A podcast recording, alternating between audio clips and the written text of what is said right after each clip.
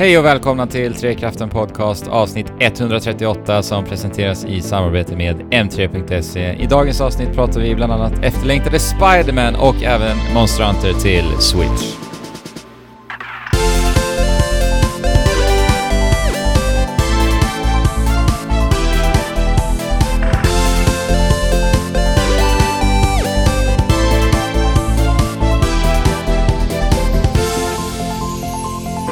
Nej men då säger vi hej och välkomna då. Jag som pratar heter Andrew här.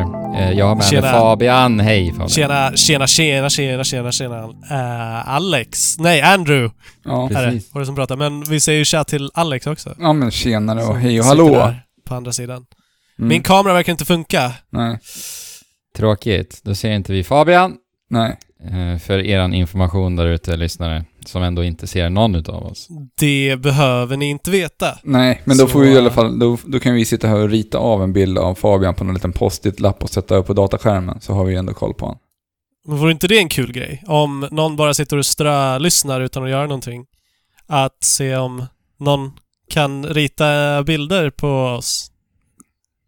Va? När de sitter och slölyssnar. Precis som när vi spelar in. Och om ni ska rita en bild på mig så...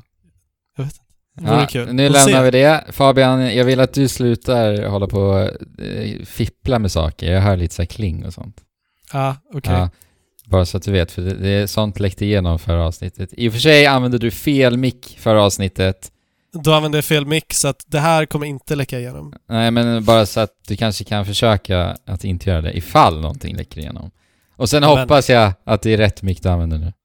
Jag använder rätt mick och fipplingar håller jag alltid på med. Jo, jag Jag vet kan det. inte, Nej, jag kan inte, inte fippla. nej okej. Då Så får du fortsätta. Det är, men det här är ju ingen fipplingspodcast utan det är en tv-spelspodcast hörni. Precis. Tv-spel. Och eh, jag bor ju i Stockholm. Ja, okej. Och i Stockholm har de ett event som heter uh, Syntax Error. Ja. Som jag var på eh, för första gången här förra veckan. Just Och nu känns det ganska konstigt för det här var två veckor sedan. Och vi spelar ju inte in veckovis nu, men strunt samma. Det var jättehärligt. Har någon av er varit på Syntax Error? Ja, det är många år sedan. Var det samma... Var det där eh, vid, vid Mariatorget? Ja, precis. Ja. En liten lokal. Och det, det är en liten källarlokal där de har spel uppställda och ett dansgolv och Ja, eh, massa retro-grejer uppställda som man Ja, kan sitta och spela på. Ja. det här är ju ett event som har gått i jätte, jättemånga år. Jag vet inte Mm. hur länge de har kört det, men det är, det är lätt över tio år. Det är länge och de kör typ så här en gång i månaden. Varje ungefär. löning. Varje löning är det till och med. Lätt att hålla Okej. koll på. Mm. Så alla tv-spelsintresserade, alla som eh, har ett mjukt ställe i hjärtat för uh, nördigheter. Framförallt tv-spelande. Eh, man sjunger, de sjunger Disney-sånger på, på uh, kvälls... på nattkvisten. Och det är det som- Vilket det- är skitnice. Det är sånt det som gillar du gillar gör. Fabian. Ja, det gör ju du Jag på älskar- hemmafesterna, när du blir lite Ja. rund om fötterna. Ja, ja, det gör jag ju. Så att, alltså, jag känner mig bara hemma där. Ja. Ja. Ja, Dagligen skulle jag nästan säga att du sjunger Disney. Ja, men... eh, ja, det går ju i perioder naturligtvis. Vilken Disney-låt är det som du sjunger mest just nu? Eh, det är eh, Remember Me från Coco. Okej. Ja, okej. Har du sett Coco nu? Ja, så- äntligen! Så Oj, himla fin. verkligen fin film alltså. Ah, Mm. Och det ser så bra ut. Alltså, det är så snyggt och fint Ja. och härligt. Ja, hörni, ska vi hoppa in i eh, segmentet vad vi har spelat, eller vad tycker ni? Vill du? Du har inte gjort något annat kul, Andrew? Eh, Alltså jag eh, har i och för sig gjort, inte gjort så mycket annat kul, men det händer lite i mitt liv. Jag ska flytta till hus. Ja. Oj, oj, oj, går i brorsans fotspår? Ja, men precis. Hus. Ehm, Husbror. Det ja, blir husbröder också. husbröder, ja. Ja. Och det kommer bli en liten omställning såklart på många sätt och en stor omställning kommer bli att jag kommer att byta till mobilt bredband. Aj, aj, Eh, aj, aj. För det är ganska långt ut på landet va, så att de har inte någon fiber eller någonting liknande va, så det får bli mobilt. Men eh, man måste ju prioritera här i livet va. Och jag känner att det är viktigare att eh, bo härligt med, med min sambo va, såklart. Ja, men alltså... Ja, du, ditt liv måste... Du måste ju kunna njuta av ditt liv. Oberoende av internet eller inte. Ja, men precis. Och eh, vi har haft lite, eller det är en Discord-användare som har lugnat mig lite och eh, han berättade då att han spelar PUBG utan problem med en kompis. Eller hans kompis spelar PUBG med honom på mobilt bredband utan problem va. Så att eh, jag håller tummarna på att det ändå ska funka. Och spela online också såklart. Ja. Mm. Och är det obegränsat? Eller måste du hushålla med gigabytesen? Ja men precis, det är eh, obegränsat vad jag har förstått det som. Eh, jag ska ta det här med hyresvärden en gång till va? men vi får se. Internet kommer jag ju ha i alla fall, så att Ja. jag kommer inte gå under. Ja, men kommer- bara tiden får utvisa hur, eh, hur det kommer urarta sig. Ja, precis. Jag är i alla fall eh, supertaggad på att flytta till hus. Grattis. Grattis Andrew. Tack så mycket. Alex, har det hänt någonting i ditt liv? Ja, ja, det har det faktiskt. Jag har ju börjat på ny skola. Ja, just det. Just det. Eh, Det är lite så här, nu när vi spelar in varannan vecka, då blir det så här, vänta nu, vad har hänt? Man Ja. måste tänka tillbaka så långt. Alltså vi, vi alla måste ju börja skriva dagbok egentligen, så vi kan gå tillbaka. Så här, vad gjorde vi? Vad har vi gjort? Ja. Ja. För det är det mest intressanta i podcasten. Att veta vad vi har gjort, ja. Ja. ja. Ja, men det kanske, vi, det, vi, det kanske händer en hel del som vi faktiskt missar. Så att det, ja, det vet ja, det är klart. Eh, nej, så det har jag gjort, en ny spelutbildning i Stockholm. Eh, förra Mm. året flyttade jag ner till Blekinge. Eh, har ju hållit på att flytta runt en hel del. Det är skönt att vara tillbaka och skönt att gå i en skola närmare hemmet liksom. ja. Ja. Eh, ja, så det har jag gjort senaste veckan. Nej, var förra veckan då när vi inte släppte. Hur har det gått då? Det har varit eh, spännande. Jag har ju gått på högskola innan och det, det skiljer sig ju ganska så drastiskt eh, rent eh, hur utbildningen är utformad på en yrkeshögskola gentemot en högskola. Mm. Att det är Vad är bra, det- bra det är- mycket mera praktiskt arbete och det Precis. handlar liksom snarare om att lära dig bli bäst på dina verktyg. Mm. Så det blir kul, det här uh, två och ett halvt åren som den här utbildningen är nu. Se vad det kan ge mig och vart det kan ta mig. Och det är alltså game designer. Ja, nu är det game designer. Fu- Full fokus på det. Innan så har jag ju typ pillat med allting. Eh, Mm. Ja, Ja, vad roligt. Spännande, spännande, spännande. Jag har ju tänkt att börja lära mig lite sånt här också. Alex har ju lånat lite böcker av dig ju. ja. Eh, Så nu ska jag ladda hem Unity så ska du hjälpa mig lite att hålla på och fippla. Det, Ja. ska bli, det ska bli kul att förfölja din resa samtidigt som jag kanske får lära mig någonting också. Mm, det ska bli väldigt roligt. Ja, Se vad vi kan få ihop. ja precis. Det är ju så kul att hålla på och pilla med sånt här. Mm, Ja, det är det är vi klara med oss då? Ska vi hoppa in i vad vi har spelat? Jag var lite väl snabb där kanske, jag upplevde nu. Ja, men eh, det kan man vara ibland. Du är så himla exalterad på att prata om det här vi ska prata om Ja, i vad vi har spelat. Exakt. Så nu kör vi. Ja, Alex, vad är spelet då? Vad har vi spelat? alltså vi har ju befunnit oss på eh, Manhattan. Ja, Mm. Eh, och det kan ju låta lite tråkigt så här, spela Manhattan i ett spel. Jag vet att eh, ni båda är ju så här, nej vad tråkigt att återskapa en, eh, en verklig plats. Ja, speciellt en modern plats. Ja, och det är ju, är ju, är ju det här såklart. En, Ja. en Gråa, bruna, tråkiga miljöer. De är ju Ja. inte så bruna. Blocks. Blocks överallt. Det är mycket, Alltså- ja det är det ju. Alltså mycket kantiga byggnader och lite sådär. Ja. Men det är, ja. Men vi har ju såklart spelat, vi har ju svingat runt på Manhattan. Det, då blir ju Jajamän. Manhattan mycket mer intressant. Ja. För det, förvisso. det, det, det, är blir en stor lekstuga. lekplats. Ja, Ja, precis. Lekplats. För Mm. Spiderman. ja. ju. Spindelmannen. Ja. Och det här har vi väl alla tre spelat. Hur, hur långt har du spelat på det här Fabian? Jag har bara spelat eh, de första huvuduppdragen. Okej. Mm. Jag och Andrew har ju båda klarat av det här spelet. Mm. Ja. Precis. Alltså hur pass stora Spiderman-fans är ni? Ska vi sätta på en skala 1 till 10? Ja men det kan vi göra för att uh, hålla det enkelt här va? Alltså jag, jag skulle nog sätta mig på en... eh, på... Alltså jag vet inte hur jag ska bedöma det här. Alltså jag gillar ju Spiderman väldigt mycket. Ja. Men jag är ingen riktig så här superhjälte, superduper superhjältefan. Jag gillar ju superhjältefilmer och jag gillar superhjältespel. Men, Men en, supernörd.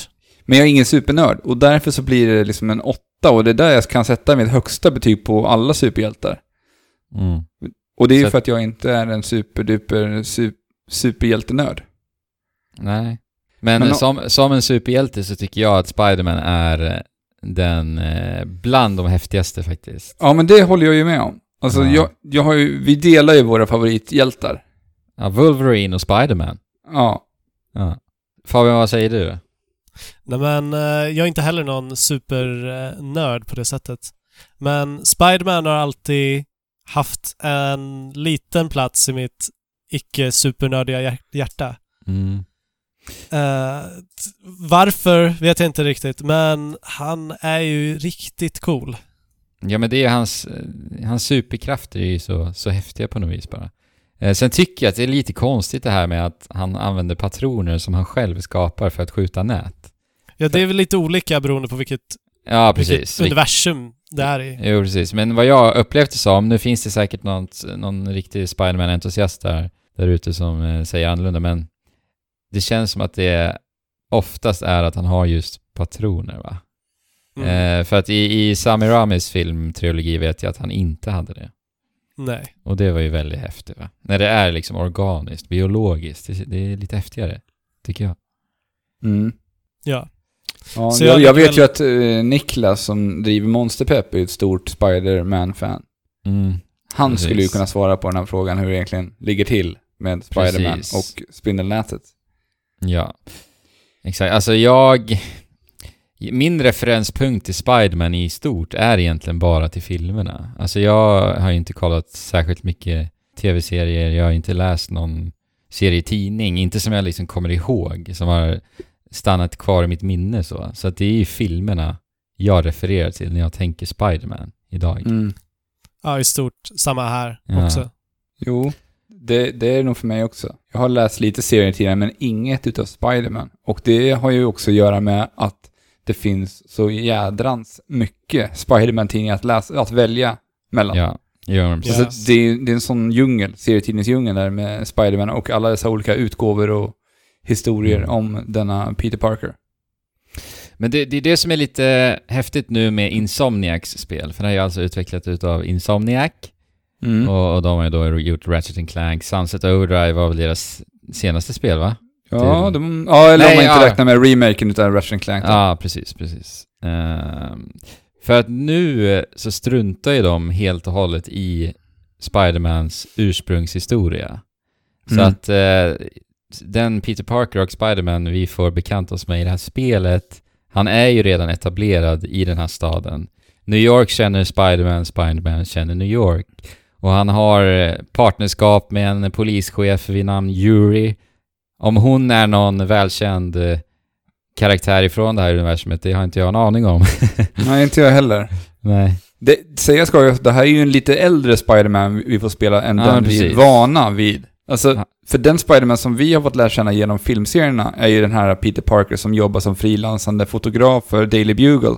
Och fortfarande går i, Mm. i high school va? Ja, men nu har ju han eh, också, han har ju ett annat jobb nu. Han har ju slutat som fotograf Mm. och jobbar nu med Dr. Octavius. Ja, Ja. precis. Vet, eller forskarassistent. Ja, exakt. Ja, precis. Och med det sagt så ja, finns det ju ändå ett visst fokus på just berättande i det här spelet skulle jag väl ändå säga va. Och det kanske är också lite förvånande med tanke på att det är Insomniac eh, sådär, för de eh, fokuserar ju ofta annars på, på spelmekanik, lekfull, lekfulla spel i stort. Ja. Eh, Men å, å andra sidan, nu ska de ju ta hand om ett välkänt varumärke va? och många förväntar sig också såklart, fans då, att det ska vara en eh, väl utvecklad historia om Spindelmannen såklart också va. Men, eh, men jag måste ändå säga att eh, jag blev ändå förvånad över just berättandet i det här spelet. Vilket ändå stort fokus det har. Det är väldigt bra röstskådespelare. Jag ändå så här bryr mig i alla fall om karaktärerna. Det är inte liksom magnifikt superbra, men jag tycker ändå att det höll mig engagerad genom hela det här spelet. Och Men det, vadå? Utan att ha spelat igenom hela spelet, Mm. eh, är det inte liksom likt Marvels filmer och Jo. så vidare? Att det, det liksom är... Det, det är plojigt och plåkigt. Jo. Och det görs men, det görs men det är fortfarande liksom intressant att följa för att Ja, det är action. precis. För att det är visuellt spektakulärt och väldigt, väldigt snyggt och häftigt och pampigt och maffigt hela tiden. Mm. Ja, alltså det, det är ju mycket sådana häftiga scener och strider som man får eh, gå igenom. Sen är Ja. i kanske gameplayet inte alltid det bästa i hur de väljer att berätta i just de specifika storyuppdragen.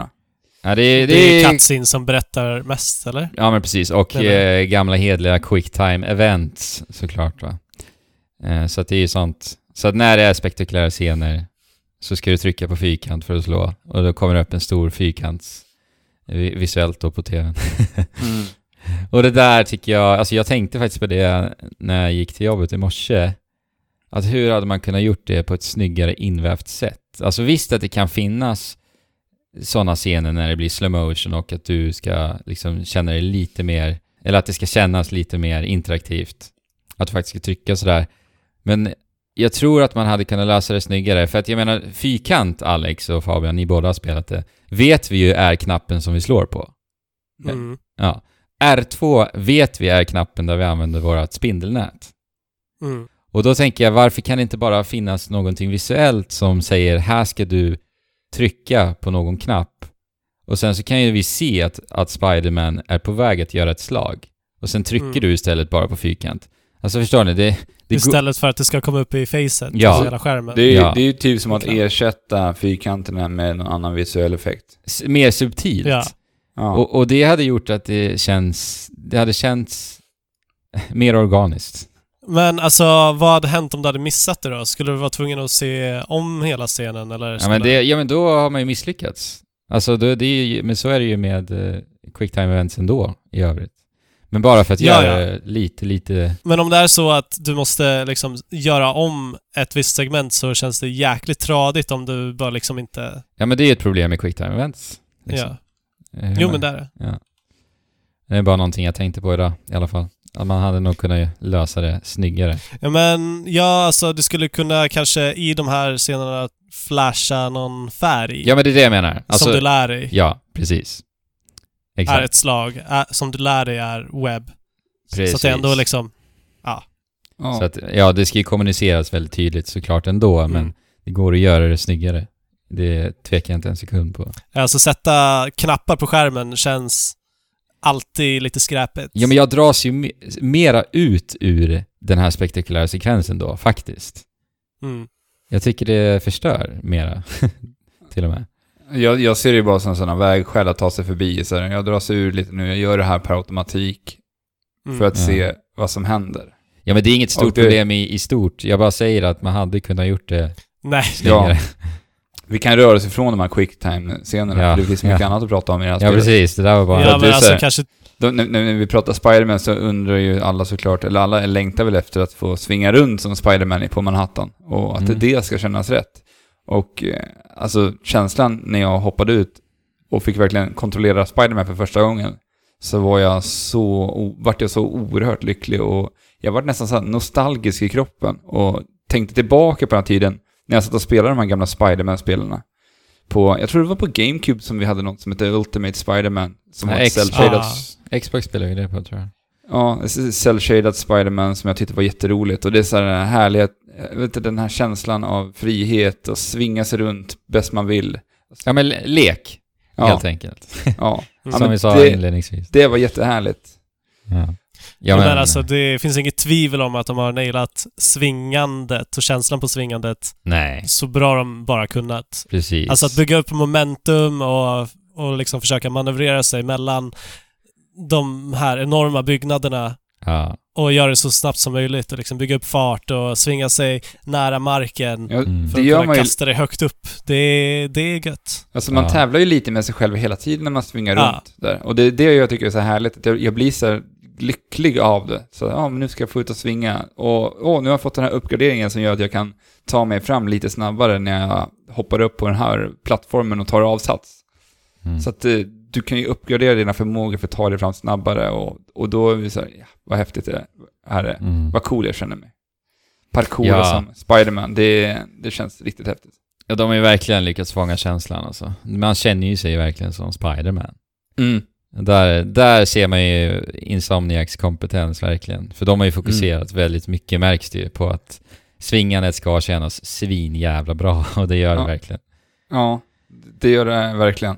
Ja. Sen eh, är det ju det stora och kanske största problemet med det här spelet. Alltså Manhattan är ju ganska stort, det finns mycket att fylla ut på den här, i den här staden. Mm. Och det måste ju på något sätt göras med olika uppdrag. Och då kommer vi ju till sidouppdragen. Mm. Hur har ni haft det med sidouppdragen? Spider? Menar du eh, de här eventsen som dyker upp eh, och collectibles eller Ja, riktiga Alltså, sidouppdrag? sidouppdrag eh, och aktiviteter i stort. ja, det kan vi Ja. väl bunta ihop i en och samma egentligen. Ja. Ja. Jag har inte stött på något sidouppdrag, Okej. liksom pratat med någon person för att göra någonting specifikt. Nej. För att sen, ja, jag vet inte, få lite experience. Eller vad det nu kan vara. Men första gången som jag skakade på huvudet i det här spelet var när det visade sig att ja, vi ska gå upp till torn som visar en större del av kartan. Och samtidigt så eh, dyker alla de här collectibles-ikonerna upp på Ja. kartan Ja. Mm. för det området. Ja men det är... Och det är så här, det är, det är trött open world-mekaniker som, som jag verkligen inte trodde att de skulle använda här. För att vi ser att spelvärlden har gått förbi, förbi det mer eller mindre. Mm. Eller börjar röra sig bort från det. Men här är det verkligen Ja, det i sin klassiska i sitt klassiska maner. ja. Och det, det som är så komiskt, det är till och med faktiskt helt ärligt komiskt, det är att hela inledningen utav Marvels Spider-Man är typ i stort en handledning om hur ett just ett sånt här open world-spel faktiskt fungerar. Och, och, och det var verkligen en stor suck för mig när de sa att man, de liksom förklarar väldigt tydligt, det här är torn och de här tornen, Ja. de, de gör att du låser upp allting på kartan. Och, ka- och de här ikonerna kan vara sidoaktiviteter, alltså du vet. Ja men det var ju Ja. verkligen så bara, nej men nej, är det sant? Ja. Är det sant? Ja, Vi har inte spelat ett enda spel förut, alltså det var verkligen så dumt Ja. beskrivet. precis, exakt så. Alltså Ja, jag, ja. för jag vart ju upp, jag vart ju uppriktigt irriterad på det här spelet i början. Jag kände såhär, vad fan har de gjort med Spiderman? Det var lite Ja. den känslan första timmen gav mig. Mm. Ja, verkligen. Och sen när man började göra dessa aktiviteter, alltså visst, först kan man säga, ja men jag ger det en chans, jag provar på. Ja. Men det är verkligen de mest oinspirerade, trötta sidoaktiviteterna du kan tänka dig. Det finns, ja. det finns inget, alltså jag, ingen sidoaktivitet eller sidouppdrag som har fått mig engagerad överhuvudtaget. Alltså jag suckar bara, tittar nästan på klockan. När ska jag bli Mm. klar med detta? För att bara fortsätta med huvuduppdragen. För att Ja. alltså inledningsvis så försö- för, ehm, höll jag ju på att göra dessa sidoaktiviteter. För att man vill ju någonstans ändå ge det en chans som sagt. Men sen, Och dels för att det ska sägas också att de här, du kan ju uppgradera Spiderman med de här Ja. olika delarna. ja, så det är därför Ja, du vill samla de här poletterna då, som man får ifrån. precis. Och det är det som Och är... det, kan vara decenniets sämsta idé i ett spel, Ja, tycker jag. Att så här, oinspirerade sidouppdrag gör att du uppgraderar din karaktär. ja. Come on, Insomniac.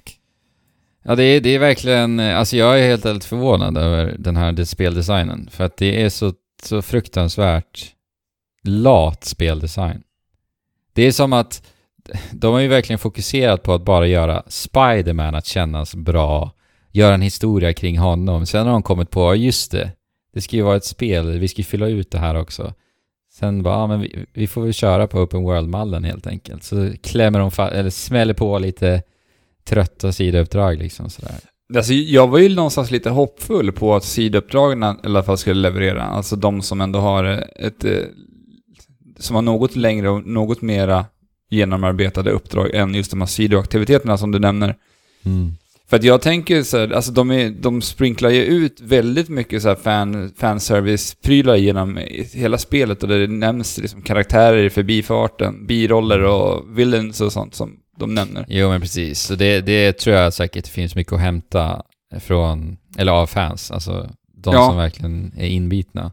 Alltså för jag hade ju någonstans hoppats att de skulle tagit mindre karaktärer och liksom fokuserat mera sidouppdrag Mm. på birollskaraktärer. Att det ska Ja. handla om det. För det, det är liksom, jag kommer ihåg ett uppdrag. Då var det någon, någon NPC jag pratade med som gick på något college där. Och han säger ja, min polare, han har sprungit bort ifrån festen som vi var på i helgen. Jag har inte hittat honom, men jag fick den här bilden från honom. Kan du hitta honom?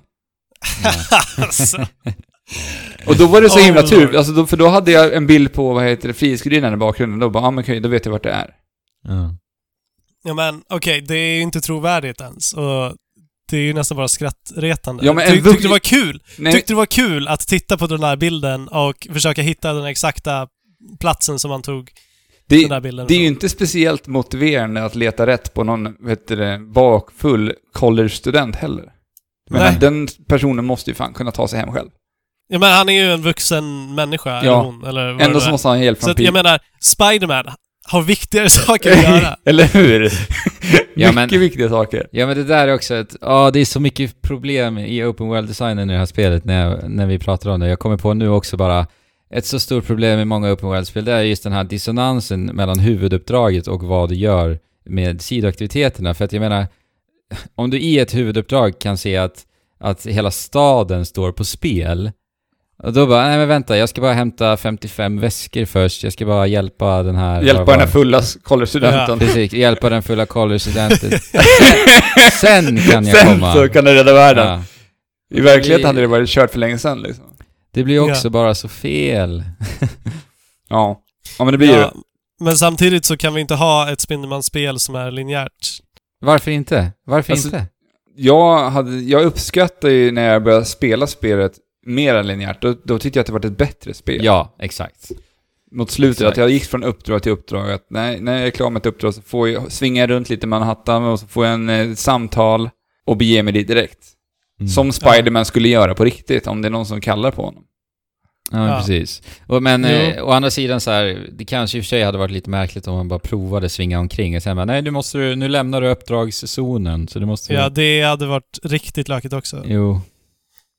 Men, de okej. De hade behövt lägga, ansträngt sig mycket, mycket, mycket mera, lägga ner mer, ner, ner mer tid i vad de gör med den öppna världen. Alltså så enkelt är det. Ja, men det, alltså, grejen är att göra en intressant öppen värld i en stor stad, är det ut- är, det är ett rikt, en riktig jäkla utmaning. Ja, det är det. det är ju För det. att hålla det Det är, intressant. det är ju Det är det. jättesvårt. Och alltså, det här, det här spelet skulle mycket väl kunna bli ett bättre och roligare spel att spela om man skulle se det lite mer som Ratchet and Clank, att man åkte från eh, mindre öppna världar och fokuserar lite mer på fightingen och liksom den interaktiva actionen som finns. Men Jo, det skulle precis. inte kännas Spiderman. Nej, exakt. Ja, det, är, det är lite klurigt det där. Men alltså det hade ju definitivt gå, gått att göra så mycket mer än vad de gör. Det är jag övertygad om. Ja, men det tror jag också.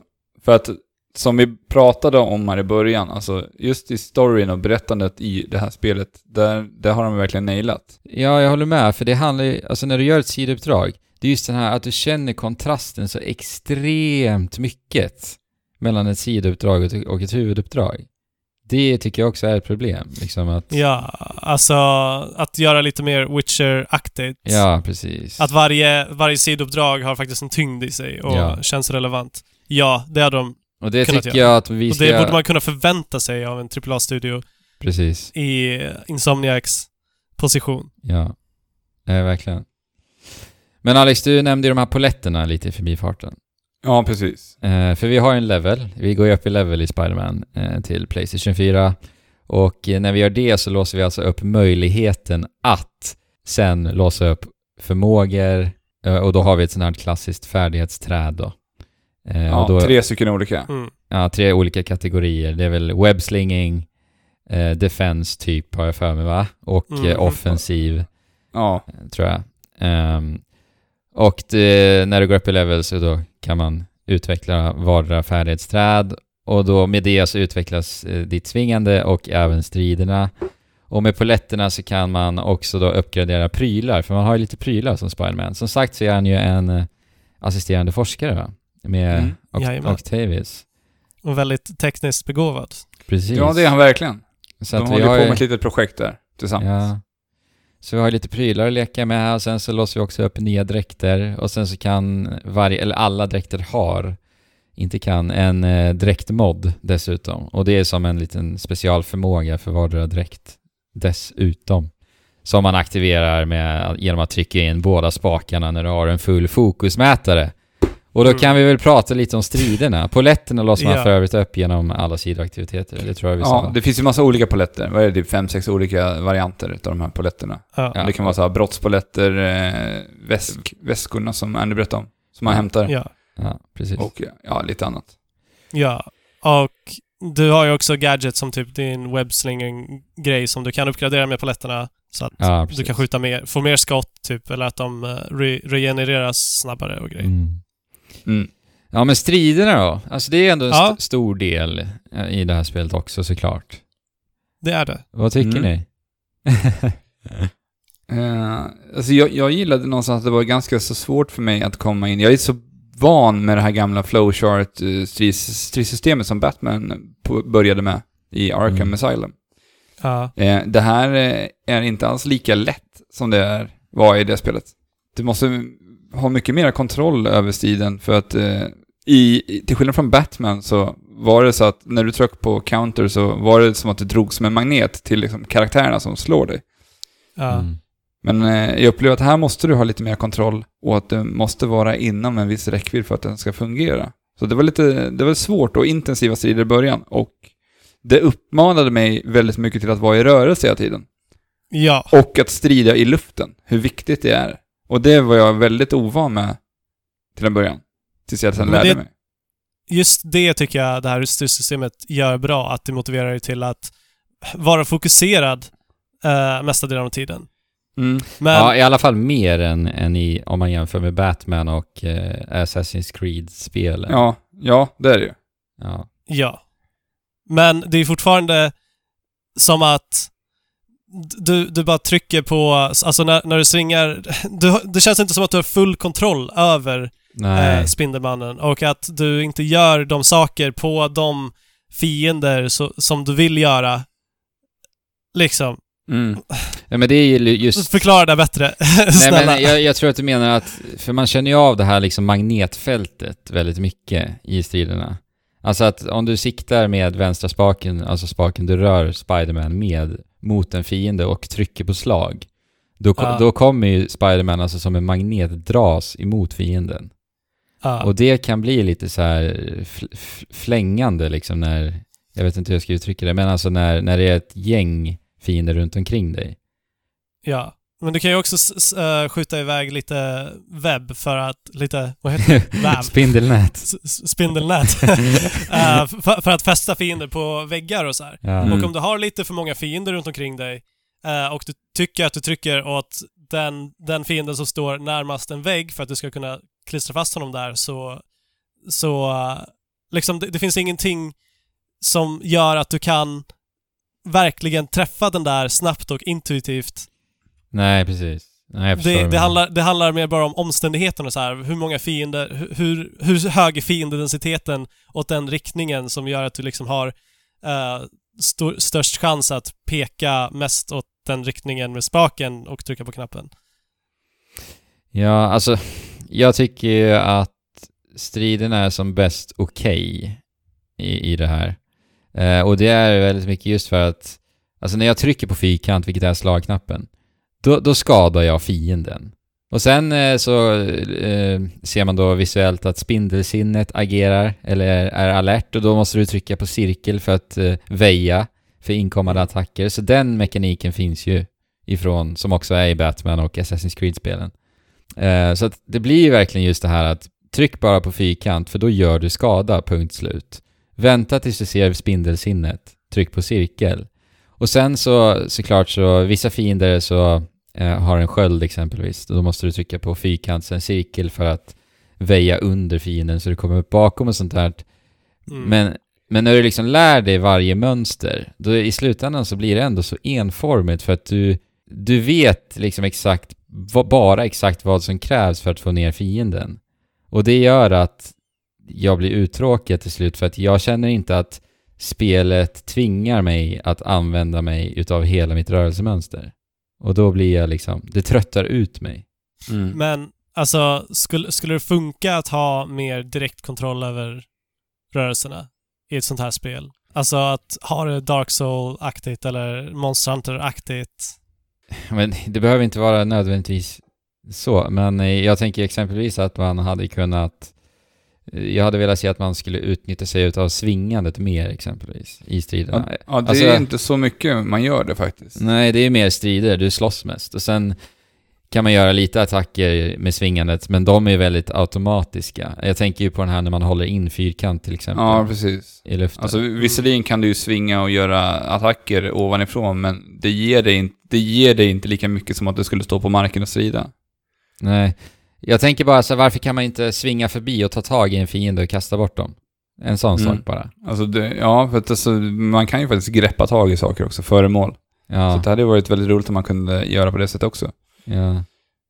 Det vi kan göra är ju liksom att greppa typ eh, bildörrar och eh, sådana här, vad heter det, så här vatten som de har. Vattenpålar. Vattenpålar heter det så? Det gör det inte. Nej, men... Ja, Ja, brun, brunnlock och Ja, såna här brunnlock kan vi ta och kasta Ja. upp på fina. Eh, och, Ja, lådor och... och, det där minns jag ju att vi diskuterade nu när vi såg spelet på E3. Att jag hade ändå velat, eller jag såg en potential att striderna kunde bli så mycket så här att man improviserar sig fram beroende på vart du befinner dig i miljön och liksom vilka verktyg som finns runt omkring i miljön. Och då tänker jag specifikt på just de här sakerna som man då kan grabba tag i. Men alltså det utvecklar sig inte mycket alltså. Det är i stort sett, som du sa, Alex bildörrar, det är brunnlock, ibland så kan man välta ja, lite, Lite. skåp och liknande sådär. Men Ja. mer, mer än så blir det tyvärr inte. Men utvecklas striderna överhuvudtaget liksom ju längre spelet skrider och... Jag tycker att det är ett problem att de inte gör det tillräckligt mycket.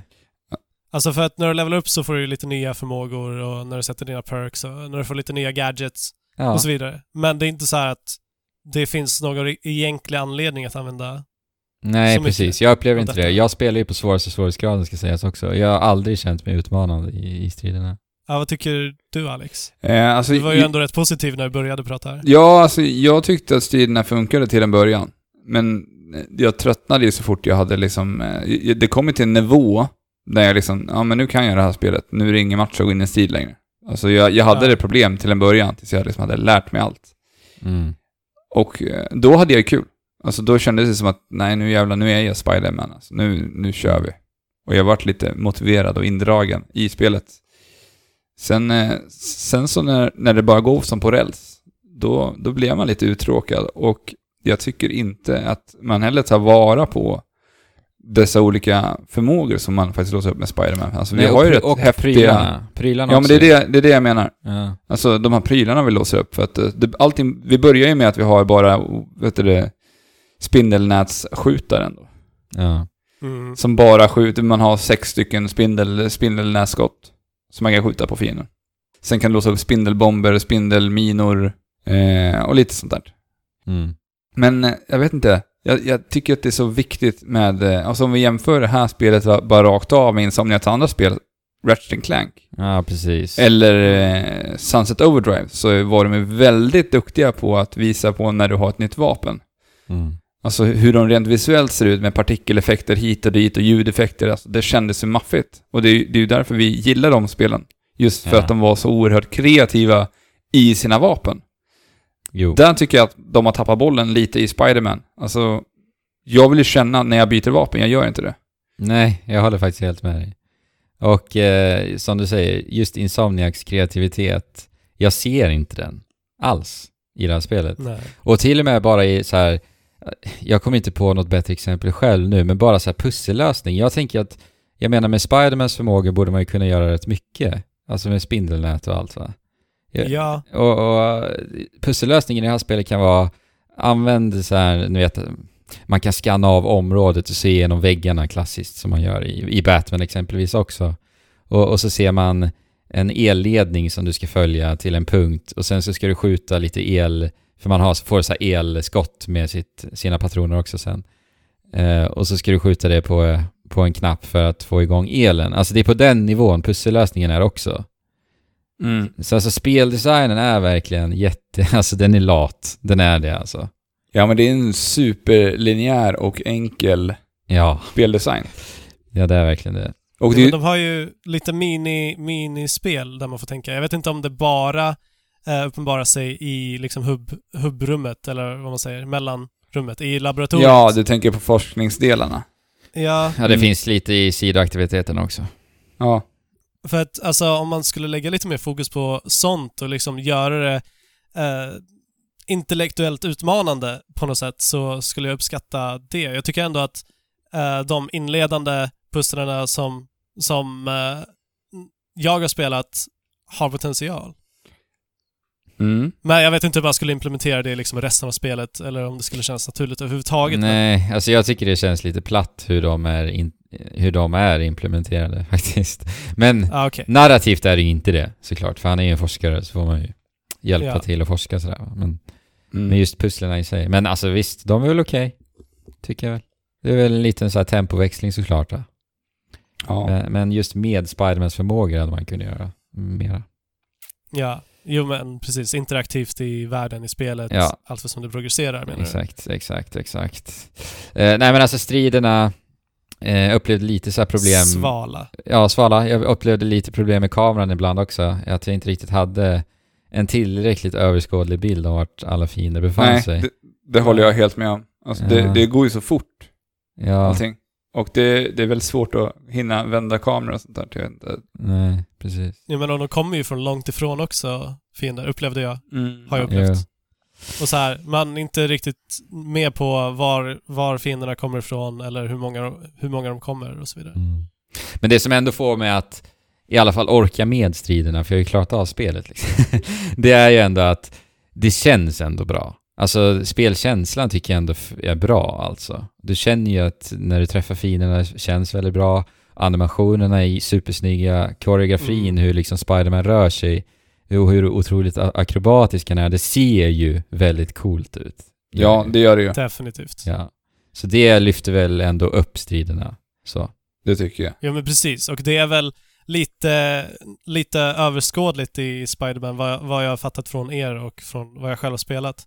Att liksom det, det du ser, estetiken och animationerna och eh, musiken och allt sånt där Mm. är on point. Ja, ja, alltså skyhöga produktionsvärden rakt igenom på alla de fronterna liksom. Men när det kommer till själva spelandet så är det väldigt svalt och trött. Alltså jag, jag skulle inte säga att det är helt svalt och trött. Jag tycker att det är lite väl hårt att säga det. För att jag, jag, jag har faktiskt haft väldigt roligt med det här spelet ändå. Trots alla sina brister. Så att säga att det är svalt och trött är lite väl hårt, tycker jag. Okej. Det är fortfarande ett bra spel och det är fortfarande ett spel jag kommer komma ihåg från 2018. Mm. Absolut.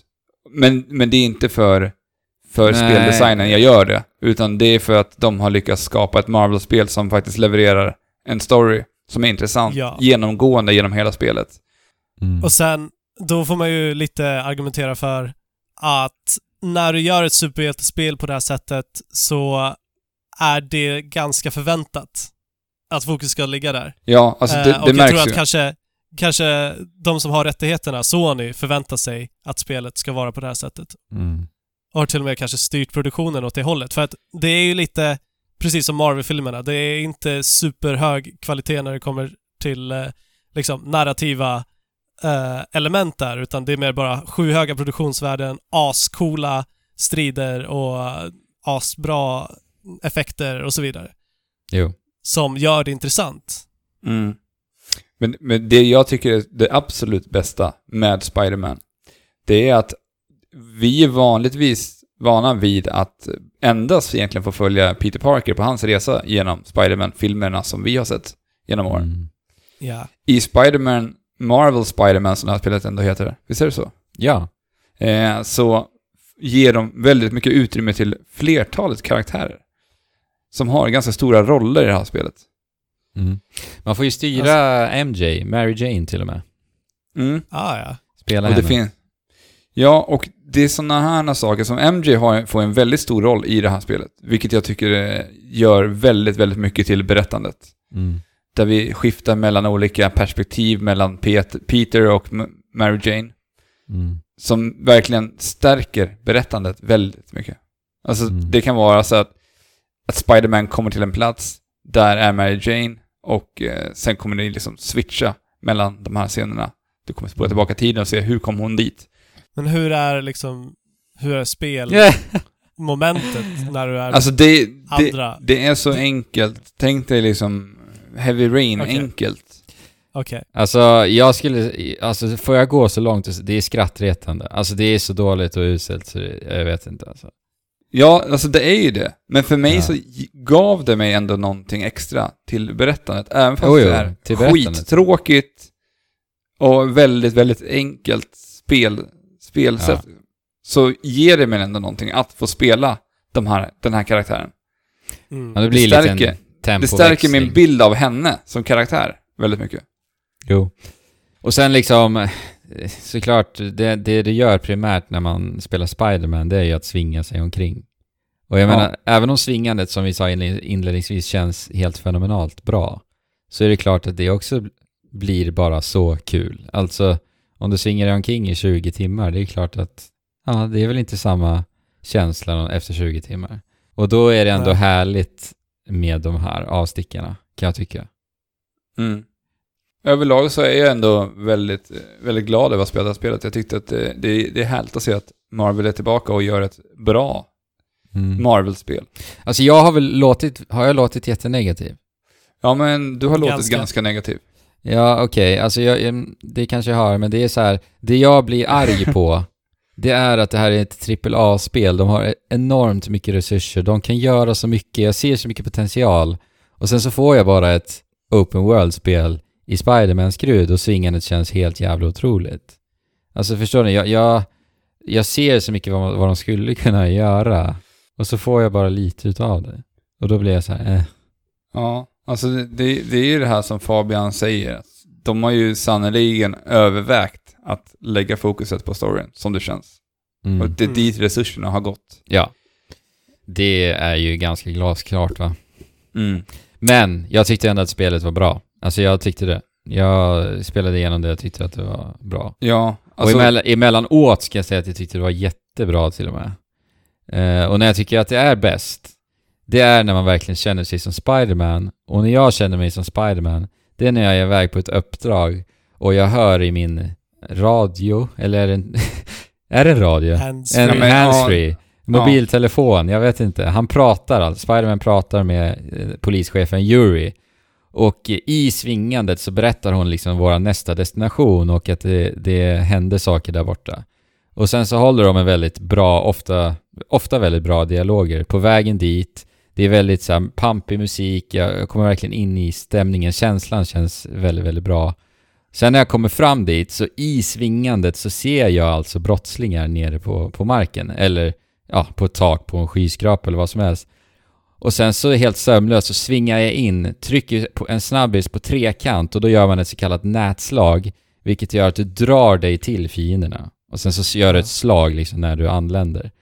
Och bara det, att, att hela den upptrappningen från att Yuri ringer till mig i panik, du måste hit, svingar dit, hoppar, trycker på trekant, drar mig in, i brotts, in till brottslingarna, slår och sen är vi inne i en strid och sen så är striden över och då ringer Jury igen. Nej, nu måste du hit och sen så svingar man sig vidare. Alltså förstår ni? Ja, landar Ja. liksom rätt in i hetluften. Ja. Och, Mm. att, och när det sker på liksom flera platser hela tiden och du sömlöst bara fortsätter från plats till plats, alltså då känns, då är det riktigt, riktigt bra och kul. Ja, och när striderna, när man sätter striderna helt perfekt också. Ja, och när som sagt det ser väldigt coolt ut. Och du gör en sån här avrättning som man kan göra när du har din eh, fokusmätare. Fast Spiderman avrättar ju såklart inte. Utan Nej, precis. Han eh, sänker dem ju. Ja, vad hette, det hette väl avrättningar, eller vad gjorde Jag vet inte. Inte Knockouts. För man har ju en fokusmätare också. Den kan du Mm. antingen återfå ditt liv med om du har den halvfull. Halvfull eller helfull. Eller så kan du... Nej! Avrättningarna, eller vad vi nu ska kalla det, kan du göra om den antingen är hel eller halv... Hel eller halvfull. Ja. Återfå livet kan du göra när som helst, men då får du ju bara tillbaka den delen du har. Så. Mm. Eh, ja. Har ni testat Fast Travela i det här spelet? Ja, Nej. Det är ju lite charmigt faktiskt. Jag tror ja att just det. Ja, det är faktiskt en snygg detalj. Ja, för Ja, jag har ju bara gjort det här två gånger, för att mestadels så svingar jag mig runt överallt, vart jag än ska, Ah. för jag tycker att det är roligt.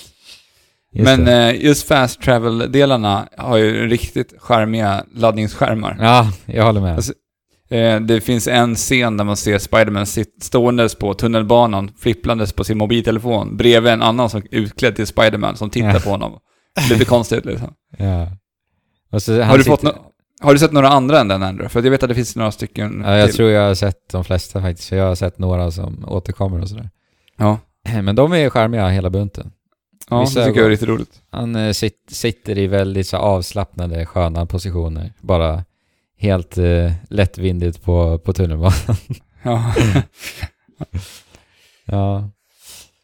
Nej men som sagt, jag tyckte också om berättelsen faktiskt. Eh, jag gillar ju verkligen eh, Spider-Man, hans personlighet. Den här skojfriska, naiva, unga hjälten va. Eh, och sen, eh, jag vet inte, den bästa Spider-Man tycker jag är Tom Holland. Alltså han som eh, spelar ja den, ny, Spider-Man. den som är den aktuella Spiderman. Ja, precis. Alltså för att han är verkligen så som jag ser Spider-Man. Som sagt så har jag bara referenser till, till filmerna. Men när- när, när Tom Holland kom och tog rollen, då var det så här. Där är Spider-Man för mig. Mm. Eh, och Ja. och eh, där, med, med honom som Spider-Man så känner jag att han har ju väldigt mycket av samma personlighet oavsett om han är Spider-Man eller om han är Peter Parker. Håller ni Mm. med om det? Jo. Alltså, alltså ja, han, kanske. han är ju fortfarande väldigt så här, skojfrisk och Ja. när han är Peter Parker liksom. Eh, Men Spy, eller vad säger jag, Peter Parker i det här spelet tycker jag var extremt annorlunda och jag upplevde en väldig kontrast ändå faktiskt mellan Ja, Spider-Man men det- och Peter Det Parker. här är ju också den det vuxna. Spiderman. ja, men För att han är, den här Spiderman är ju lite äldre också. Jo, jo, men eh, när, när han var Peter Parker så kändes han istället liksom väldigt eftertänksam. Han var så här nästan lite försiktig till och med. Och, och, och emotionell. Emotionella sidor fick Ja, man se också. jag tänker att det har att göra med hans ålder. Alltså att han har vuxit upp lite grann. För Ja, men han Tom är ju inte Holland så när han är Spiderman, Tom Spiderman. Holland är ju 16 bast någonting. Och Ja, eftersom att Spiderman, han kan ju vara liksom, att vara Spiderman, det blir ju hans frizon. Han kan ju vara vem som helst. Han kan ju vara flamsig. Han kanske är en superflamsig person egentligen, som han då kliver in i när han är Ja, Spiderman. du tänker så ja. För att ingen vet vem han är ändå. Och då kan han springa runt och, och skämta om sig själv att han, att han leker Spider-Cop och allt det där. Ah, ja, ja. Ja, medan Peter Parker måste hålla på med sina forskningsprojekt, betala räkningar. Ja. Och Och måste, så vidare. då måste han vara en människa helt enkelt. Ja. Och sen Ja. så är det liksom Spiderman, det är där han har sin lilla frizon och kan leka Ja. loss. Ja, men precis. Men det här som sagt, det här är ju Insomniacs Spiderman också så att Mm. jag undrar hur... Ja. Ja det var Vad placerar den här Spiderman på din Spiderman-ratings då? efter. Tom Holland faktiskt. Ja, det är samma här. Ja. Jag, jag tycker att det här är en, en bra Spiderman. Oh, jag ja. gillar den här Spiderman. Sjukt Han är, han är rolig och drar mycket så här flamsiga skämt och... Ja. Ja. Och eh, storyn är... Jag måste bara säga att jag gillar att se att de berättar en historia som vi inte har sett i Spiderman-filmer tidigare i alla fall. Och den är... Det, det är riktigt, riktigt kul saker som händer. Är det relaterat till någon serietidning? Det är det. Eller? Det är det. Det har berättats tidigare på andra sätt, Okej. men inte, inte på det här sättet förut. Nej. Så är ni ett stort Spider-Man-fan och gillar, eller gillar ni, och, gillar ni superhjältar, superhjältespel, så, så kan jag ändå i slutändan verkligen rekommendera Spider-Man. För att eh, Ja, ja. det är ett väldigt roligt spel. ja, men gillar man Spiderman, det är klart, då ska man ju spela det. Ja, då är det ju ett måste. Ja, ja. Of course. Och Är älskar är man du- open world, älskar man open world-spel, då är det ju givet alltså. Och jag tänkte ju precis säga då, är du trött på Open World-spel? Eh, kanske ge det en andra chans, eller en andra tanke i Mm. alla fall. Eh, ja, men alltså jag, det är ju förvånande för mig, för jag kommer ju nu komma ihåg det här spelet som, som det som fick mig engagerad på grund utav den liksom övergripande känslan, det här visuella spektaklet och till och med berättelsen. Och jag trodde ju att, att eh, det skulle vara just för spelmekaniken som fick mig att komma ihåg det. Men så blev det Mm. inte. Nej, det, det blev det inte Helt riktigt. Tvärtom. Tvärtom. Playstation 4 exklusivt. Jajamän. Och det här släpps ju nu på fredag, eh, blir det. Imorgon. Vilket är den 7 september. 7 september. Men innan vi lämnar Spider-Man helt och hållet för det här avsnittet, så... Det låter som vi kommer prata om det i flera ja, men man vet inte, det kanske ramlar in någonstans. Ja. Förmodligen eh, har vi pratat klart om det helt och hållet. Men det kommer ju DLC, så vi kanske tar upp det igen. Det är det vi ska komma till. Ja, precis. Jo. Så att, eh, kanske. Eh, de släpper ju en eh, DLC-serie som heter The City That Never Sleeps till Mm. Spider-Man. Och eh, Mm. har släppt en första trailer till DLC som då heter The Heist. Mm. Så att innan det ens har kommit så har vi Så släpper de en trailer. trailer. Ja, precis. Eh, och det här första kommer släppas den 23 oktober. Mm. Och eh, två, del två kommer släppas november, del tre december. Mm. Så att vi har Spiderman året ut. Så kanske pratar vi Spiderman varje månad från och med... Ja, Ja, från och med Mm. nu då. Fram till jul. och de släppte en trailer här från The Heist som sagt. Och då ska vi få möta Black Cat ju. Får vi se. Ja. Och den här modellen är ju lite intressant. Vi har ju sett många gånger att eh, vi vet om att det ska komma nedladdningsbart material förstås till spel. Det har vi ju Mm. sett liksom, ja, väldigt mycket. Men jag tycker det är väldigt intressant att man släpper en trailer för den första delen redan innan spelet har släppts. Och att det är så pass tätt inpå. Det är liksom bara en, Ja. en månad eh, eh, emellan.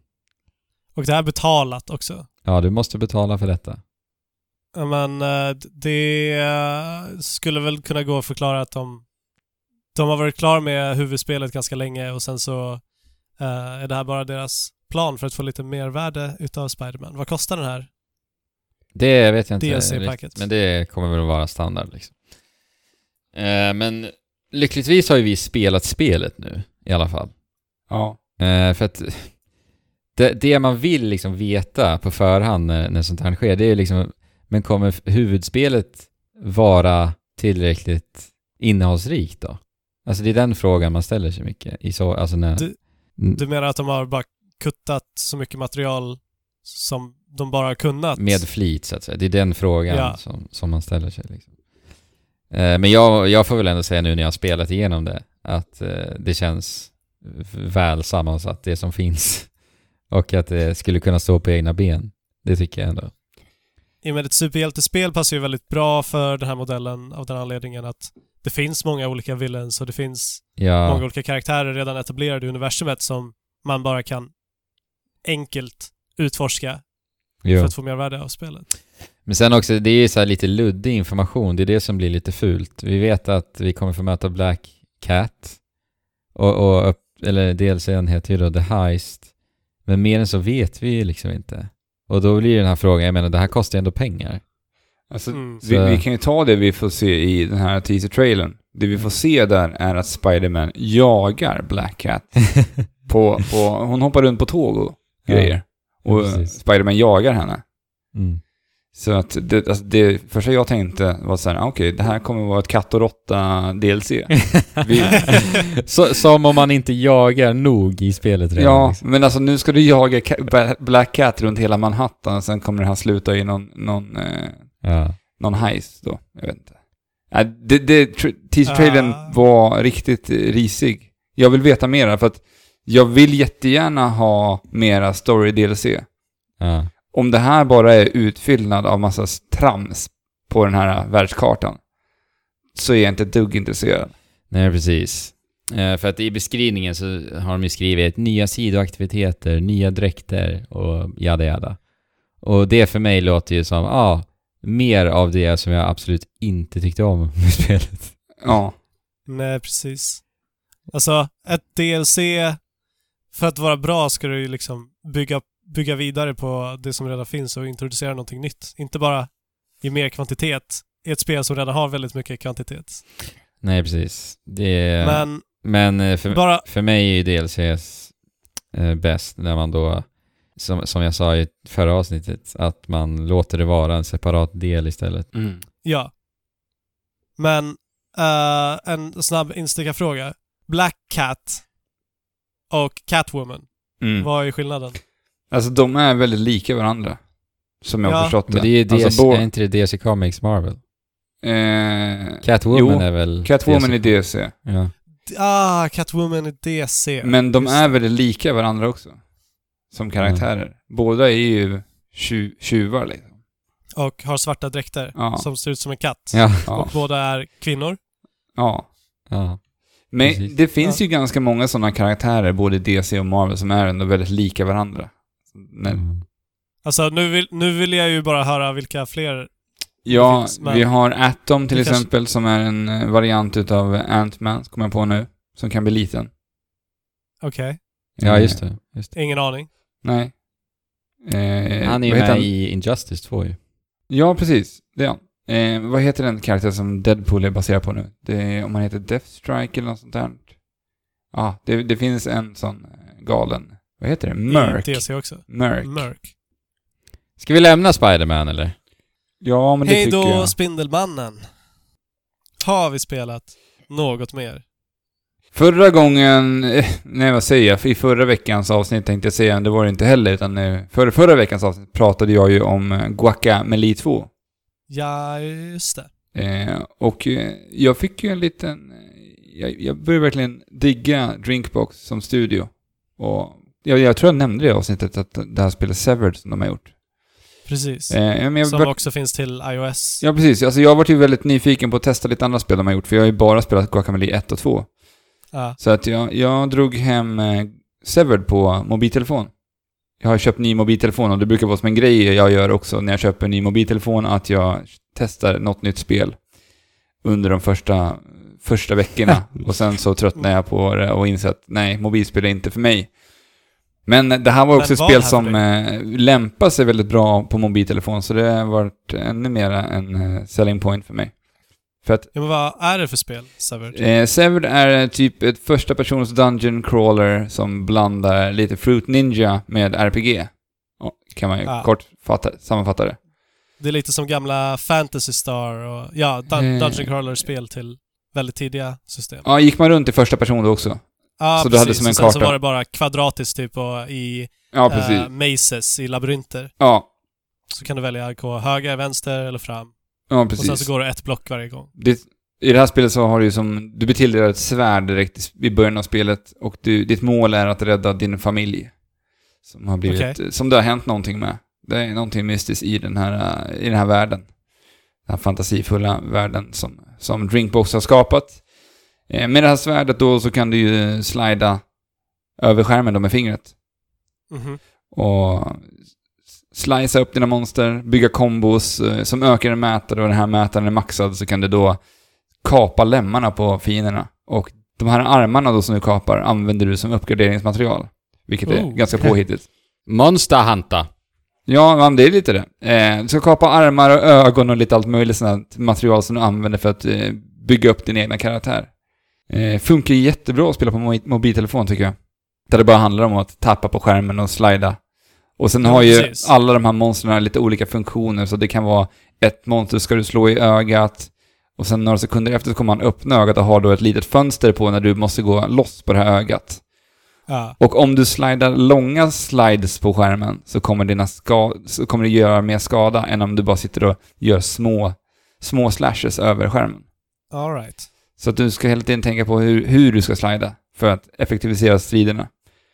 Men du går hela tiden i ett rutnät och sen så vid någon tile så kommer ett monster upp. Ja, du ser Så vart monstren är i form av en liten rök som rör sig på kartorna. Ah. Så att du vet att om jag går fram en ruta till nu så kommer det komma ett monster här.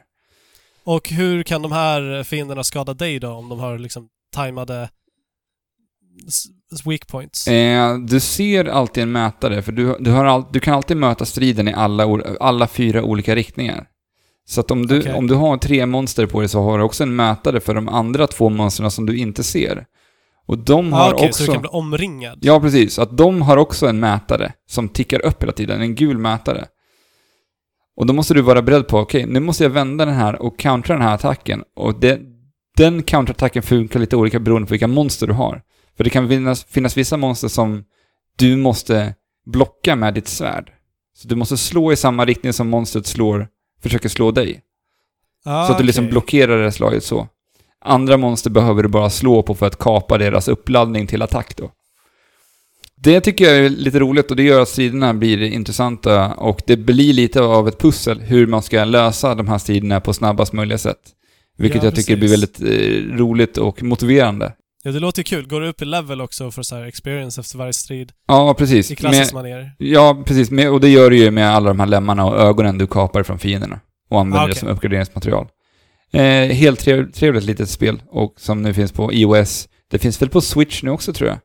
Ja, men det tror jag. Och det finns Ja, på PSP som det släpptes först. Och eh, ja, jag tror att det är det.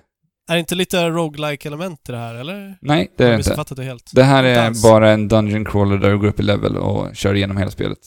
Okej, så att när du hittat din familj, då har du vunnit? Ja.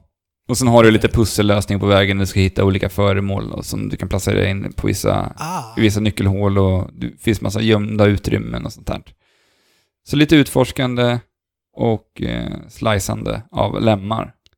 Det låter ju nice. Ja, alltså, Alltså, det... de, jag- de jag- tar ett väldigt gammalt koncept och tar det till en modern nivå liksom. Nu Ja. när vi har touchskärmar. så Ja. gör någonting med det. Det är väldigt sällan vi får se sådana här, liksom, användbara funktioner. ja. Eller, Sen tycker jag att det, det, det finns en funktion som de har gjort så himla bra på iPhonen och det är det att uppe till höger så har du kartan som du kan trycka upp så du kan få en överblick på vart du har varit och vart du har eh, låsta dörrar som du kanske behöver ta dig igenom. Mm. Och eh, det är ju väldigt lätt att man råkar trycka på kartan uppe i hörnet. Och Ja. det här har de löst genom att använda sig av force-touchen. Så att om du, du behöver lägga tummen, trycka lite hårdare på kartan för att få upp kartan. Ja, okej. Så att det... Force touchen finns från och med iPhone Ah, vad är det nu? Sex tror jag. jag Nej, har 6, nej. jag har inte Force touch. Nej, är det sju då? Ja, Då måste det vara 7. Ja. Jag har inte sett några spel, jag har inte spelat mycket mobilspel för sig, men jag har inte, jag, det, det är kul att se att det används på det sättet i alla fall. mm. Det, Ja, det, det är nice. det är en bra funktion på det. Eh, sen det här spelet är ju, går ju verkligen i deras, eh, deras grafiska stil. De, det syns ju verkligen att det är Drinkbox som gör det här spelet. Med deras Ja. kantiga karaktärsdesign som de har också i, i Guacamelee. Väldigt, och det- det- väldigt färgglad också. Ja, det är det verkligen. Och det här mystiska och spöklika som det är i det här. Fast i liksom den här glada färg, färgskalan. Liksom. Ja. Gillar det jättemycket, hur det ser ut och hur deras spel har sett ut. Så det här ska jag, jag har bara spelat några timmar och tycker att det är väldigt roligt.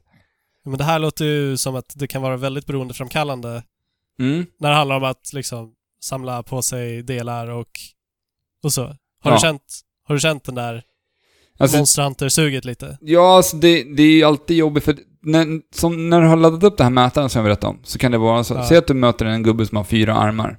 Då kommer han också ställa sig i en pose när du har, när du har laddat upp den här äh, superattacken. Som då aktiverar lemlästningsläget. ja. Och då flyg, svävar han upp lite i luften och kan sträcka ut alla fyra armar. Och då har du ett litet, litet fönster på dig att kapa alla fyra armar. Och Mm. det lyckas du inte alltid med. Och det är alltid så här, fan jag fick inte alla fyra, jag fick bara två. För du vill ju ha mycket armar Ja. nerpackat i din väska. Du vill ju bära på mycket döingars lemmar och ögon. Låter som ett helt trevligt spel. Tror jag kostar 70 kronor någonting på iOS när jag köpte det. Tror du att det kommer bli förstört av att jag inte har Force Touch på min telefon? Nej, det tror jag inte. Trycka på kartan hela tiden. Nej, det tror jag inte. Det var bara en sån liten rolig funktion som jag tyckte Okej. ändå var... Det funkar väldigt bra. Och kul att se Då- att det är implementerat. Ska jag överväga Mm. att köpa det? Ja. Jag har ett till mobilspel jag måste testa nu när jag har min ny mobiltelefon innan jag lämnar mobilspelen igen. Och det... Vad är det för spel? Ja, det är det här jag tipsade dig om. Pocket City. Pocket City. Ja. SimCity i I mobiltelefon. format Ja. Eller mobilformat. Det ser jättetrevligt ut. Får se om jag återkommer till det i framtiden. Det hoppas vi på. Mobilspels-Alex. Ja. Det där var inte allt vi har spelat. Utan Nej. vi har också spelat Monster Hunter Generations Ultimate. I alla fall du och jag Alex. Fabian får ju inte spela det, har vi sagt. Nej. Tyvärr. Och det är för att vi värnar om Fabians liv. Ja, precis. Eh, vi kommer Tack. nu att eh, hoppa in i framtiden lite grann. I framtiden? Ja, för vi ska spela in det här segmentet. Eller nu har vi ju spelat in det. Jo, men för oss nu, här och nu, så hoppar vi in i framtiden. För att segmentet som vi klipper in här är, Ah, är i framtiden för oss nu. ja, men det är i dåtiden för de som lyssnar. Precis. För att det är redan gjort. Så att det där var jätteonödigt Ah, att jag berättade. Ja, men vi kan bara hoppa in och snacka lite Monster Hunter. Det gör vi. ja, men ha så kul. Hej då! För mig. Hej då. Nu då. Ja, men då sitter vi här Alex, med Niklas, Ja. Pajlen. Välkommen! Tjena! Trekraften-killarna. Det ska bli skitkul att få snacka med er igen. Det var ett tag sedan. Mm, det Ja, var det var det. ett tag sedan. Eh, du är Ja. från Monsterpepp. Yes. Våran lilla Det- det systerpodd, eller vad ska man kalla det? Ja, det, det, var, det, det, det vart ju så. Våran eh, Hunter-vurmande podcast. Det var så vi hittade, det var så vi fann varandra. Ja, det, det är alltid lika kul att prata om liksom. Mm. Det är Ja. s- så jag började lyssna på Trekraften, var Alltså- via Monster Hunter. Och nu, nu leder jag Monster, eh, eller Monster Pep som är Trekraftens systerpodcast. Ja. Det är så här, the circle Ja. is complete. Det är så fint. Det är så fint. Ja, ja, det är, det är väldigt fint. Allting genom ett spel, eller en spelserie liksom. Ja. ja. Och nu samlas vi här igen, återigen, på grund av den här spelserien. ja. Mm. För att Monster Hunter Generations Ultimate har äntligen kommit hit till väst. Äntligen. Ja, fan vad jag har längtat efter det. Jag gav ju upp hoppet alltså. Mm. Ja. Det, alltså, det, det var ju var inte en chans att Double Cross, som det hette i Japan, skulle släppas i väst. Det var ju så här, Nej. nej. Jag kommer aldrig få spela de där monstren. Jag kommer aldrig få uppleva G-Rank i Generations. Och det släpptes ju till 3DS till och med i Japan också. Ja, precis. Nu är det ju bara Switch här i väst. Ja, Hur lycklig var du, Thomas? När, nej, inte Thomas, nu blandade jag ihop er. nu.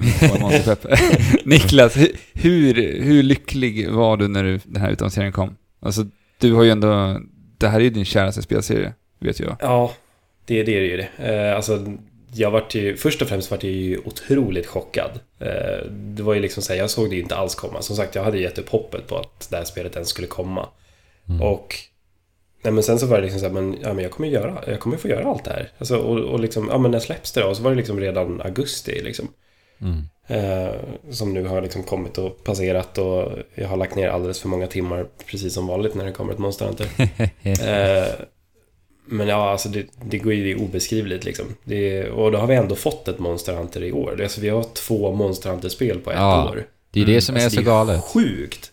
Det brukar ju liksom vara år emellan de här släppen. Ja, man tyckte ju att man var, man var bortskämd då när vi fick eh, fyran och sen strax därpå kom Generations. Då var det så här, nej fan Ja. det här är riktigt monsterlyx. Ja. det är det ju Men verkligen. nu, nu är det två på ett och samma år. Det är, Jo, det är riktig, riktig monsterlyx. Ja. Och det är, alltså visst, ja. Generations Ultimate är ju ett, liksom, inom citationstecken, gammalt spel, om man säger så. Eh, Mm, det är ju liksom jo. en 3DS-port. Men, Särskilt Ja. nu när World finns ju. jo, precis. Och det, alltså, vi, vi ska ju prata lite om det, just de så här stora skillnaderna från det. För att vi Ja. har ju det här, liksom, New School Monster Hunter och vi har Old School Monster Hunter som är Generations Ultimate. Jo, Det är precis. ju väldigt stora skillnader, trots att grundmekaniken fortfarande är kvar. Liksom. Du ska slakta monster. Ja, exakt. För vi vet ju ändå att många som lyssnar på Trekraften i alla fall eh, ändå Mm. är Monster Hunter-spelare som inte nödvändigtvis har spelat spelserien tidigare. Nej, Eh, så jag precis. tänker så här, för det är ju lite den vägen man kan gå tänker jag när man pratar om Generations Ultimate, att, att just jäm, Ja. jämföra med World. Bara för Och det, att, det är ju väldigt lätt att göra det. Alltså precis som du säger, det var jättemånga som började med World nu Ja, eh, i år. Ja, eh, Och aldrig har upplevt liksom det här gamla skolans Monster Hunter liksom. nej. Var det Eh. kommer ifrån, och det kan väl ändå vara lite häftigt, eh, tänker jag. Alltså så här, om man blev förälskad i, i World just. Att så här Mm. gå tillbaka och bara se var det kommer ifrån. Var det här fantastiska kommer ifrån. Jag tror ju att det är många som har gjort eller kommer göra det liksom så här, ja men titta det har kommit ett nytt Monster Hunter-spel liksom. Ja men jag kan spela det när jag vill, vart jag vill på grund av switchen. Ja, Tack precis. gode gud igen. Ja. Eh, och bara liksom så här, men jag måste testa ändå, bara för att se hur det är. Liksom. De är ju medvetna om vad det är för spel, och förhoppningsvis. Inte Ja. alla kan jag tänka mig. Men, Nej, precis. eh, och liksom bara få uppleva det här och sen bara fastnar stenhårt. Det, jag vet att det är flera i Monster Hunter Sverige-gruppen på Discord och i Facebook liksom, som har sagt så här, men jag skulle bara testa, nu är jag hooked liksom. ja. Eh, Det är lätt hänt ja, med Monster Hunter. det, det är väldigt lätt hänt. Det är, alltså, så här som jag drog eh, förut med World, att min bror, han köpte ju en PS4 för Monster Hunter World. Ja. eh, För att han ville ha det, han orkade inte vänta på PC-releasen. Han har ju gått och köpt en Switch nu. Ja, så, för, visst pratade ni om det när du bjöd in honom till Monsterpep? Ja, precis. Och han sa ju det, nej men jag, jag kommer inte göra det, men jag säger aldrig, aldrig. Ja, och så, liksom. sen så såg jag den här bilden som ni la upp på Monsterpeps Instagram där ni sitter tillsammans och spelar Monster Hunter. Ja. Ja. Och det var lite kul för precis den dagen, det var nu i lördags, Ja. eh, så spelade du alltså Monster Hunter Generations med din bror. Och jag och Ja. Alex hade precis likadan eh, lördag. Ja. eh, Där. Vi satt också och skrattade gott åt det, just att så här, ja men nu sitter alla bröder och spelar Ja. Monster Hunter tillsammans liksom. Det, är- ja, ja, det, det är något speciellt just det. Alltså visst att man ändå har spelat med folk liksom, man känner eller bekanta i World och sådär över Ja. internet. Men det är ju verkligen en annan sak att sitta med varandra. Ja. Det, det ger ju så otroligt mycket mer. Alltså, Eh, vi, vi gör ju det så sällan nu för tiden. Ja. Ja, gud ja. Det är väldigt, det är alldeles för sällan skulle jag säga. Ja. Det, är, det är ju så fint då när, med switchen liksom. Alex spelade på tvn, jag satt i soffan bredvid. Ja. Funkar jättebra. Vi gjorde samma sak, så fick Kristoffer då dåligt med batteri, då bytte vi. Så, här. Ja. Så ja, det var jätte, jätte, jättemysigt. Spela i skift sådär. Ja, Ja. precis. Nej, det har verkligen varit saknat att ha det bärbart och Switch är en sån perfekt konsol för Monster Hunter. Ja, vi sagt många alltså gånger. det var ju det vi sa i Trekraften dagen vi såg vad Switch var. Vi sa, Mm. Tänk, alltså Monster Hunter är det perfekta spelet för den här spelserien. Ja, Det just det här för är- att, att kunna uppleva de här stora bossstriderna på en stor fet TV, det vill man ju. Ja, absolut. Men- men World sam- var ju fantastiskt. Ja, oh ja. Men samtidigt att kunna liksom göra de här lite grinden på, på vart du vill, när du vill. Alltså Mm. när du hittar tid så att säga. När du kanske inte kan, eller helt enkelt inte ens kanske orkar sätta dig fjättrad framför TVn. Så. Nej, precis. Det är, det är jätte, jättesmart. Ja. Det är, och liksom som, som man har sagt många gånger, i alla fall jag, eh, liksom det är ju den perfekta föräldrakonsolen. Liksom. Det är Mm. liksom nu när jag är pappaledig här. Liksom. Det är, jag kan ta med den när jag går ut och går med barnet och han somnar i vagnen. Då kan jag sätta mig på en parkbänk och slakta monster. Liksom. Pajlen, får Eller- jag säga att du redan har spelat typ 90 timmar? Har du gjort det? Tyst. Är det 90 Ja. timmar redan? Ja, och då är det ju plus liksom de 300 som jag laddade ner i 3DS-versionen också egentligen. Och sen så la du också ner, eftersom att du fick spelet för recensionssyfte så la du också ner 20 Ja. timmar innan på en helt ny karaktär, kan jag berätta också. Ja, precis. Eh, Eftersom att, vi kan ju ta det. Eftersom att man inte kunde föra över sin gamla karaktär när jag fick koden så tidigt. Tack Mm. en gång, än en gång till kraften. Det var jättetrevligt. Ja, det är så. Eh, Så, så, så var liksom, jag ville ju fortfarande känna på spelet, jag ville ju spela det. Så jag var ju tvungen att starta en ny karaktär. Eller tvungen, men jag ville. eh, och spelade ju säkert 20 timmar på den. Kom upp till high rank och liksom hade gjort väldigt mycket. Och sen när jag väl kunde föra över min karaktär så stod det så här, ja men den här karaktären kommer försvinna nu så vill du verkligen göra det? Jag var så här, ja, jo, nej men det måste jag göra. Jag vill ha min 300 timmars karaktär Mm. på Switch liksom. Det var bara att göra. Ja, men det förstår jag. Så, det är ja. G-rank alltihopa nu så att... Ja, gud ja. Det, jag har ju dragit igenom rent storymässigt allting uppe. Nu är jag ju liksom på G-rank 4 då, G4. Ooh. Eh, Där de, alla hypermonster på G-rank kommer och grejer. Det, ja, Ah, jag längtar tills jag kommer dit. ja, det är så mysigt. jag är- älskar det och det är liksom väldigt utmanande. Mysigt med många. hypermonster. Ja, det är det verkligen. Ja. Så, ja, ja, men nej. eh, ska vi kanske... Vart, vart börjar vi? Ja, det, är, ja. det är ju den här stora frågan när det snackas, när det snackas Monster Hunter. Speciellt Generations Ultimate känner jag, för Ja. att det är så jäkla packat med content alltså. Ja, det är, verkligen galet. snorpackat med content. Ja men bara för de som inte vet, så här, en, en snabb jämförelse med World kan vi dra snabbt så här till, till en början, inleder det här. I World hade vi 36 monster, 35 Mm. någonstans, 35 plus i alla fall. Precis. Eh, och i Generations Ultimate tror jag att den definitiva siffran är 93 va? Mm. Ja, alltså det är, ja ni hör ju, det är ju en enormt, alltså Jo, en enorm Och skillnad. det, det är de, då är det de här liksom de stora monstren man jagar om igen. Eh, och sen så finns det ju alla de här små monstren som mest är i vägen. Ja. Det är, Mm. Sådana det som man råkar slakta när man dör, när man slaktar precis. stora monster. Ja. Eller när du står och laddar upp det, ditt Great Sword-slag så kommer någon Ja. och bara stångar dig precis millisekunden innan. Så. Ja. Det är också väldigt så här kul som jag har tänkt på just så här när man har skiftat från World till liksom Old School. Just att i World så var det så här Oh shit, säger de här små monstren. Den här huntern slåss mot en stor. We don't mess with him. Ja, just Men i. Generations Ultimate, då är det så här Vi ska ta den där jäveln. ja. De stannar kvar, de springer inte iväg. Nej, just Mm. det. Det har jag inte ens tänkt på faktiskt. Det, Nej. det är ju så ja. För det är ju, alltså i World, det finns ju massa små grejer, men de springer ju iväg så fort det kommer Ja, ett stort monster. Eller hur? Mm.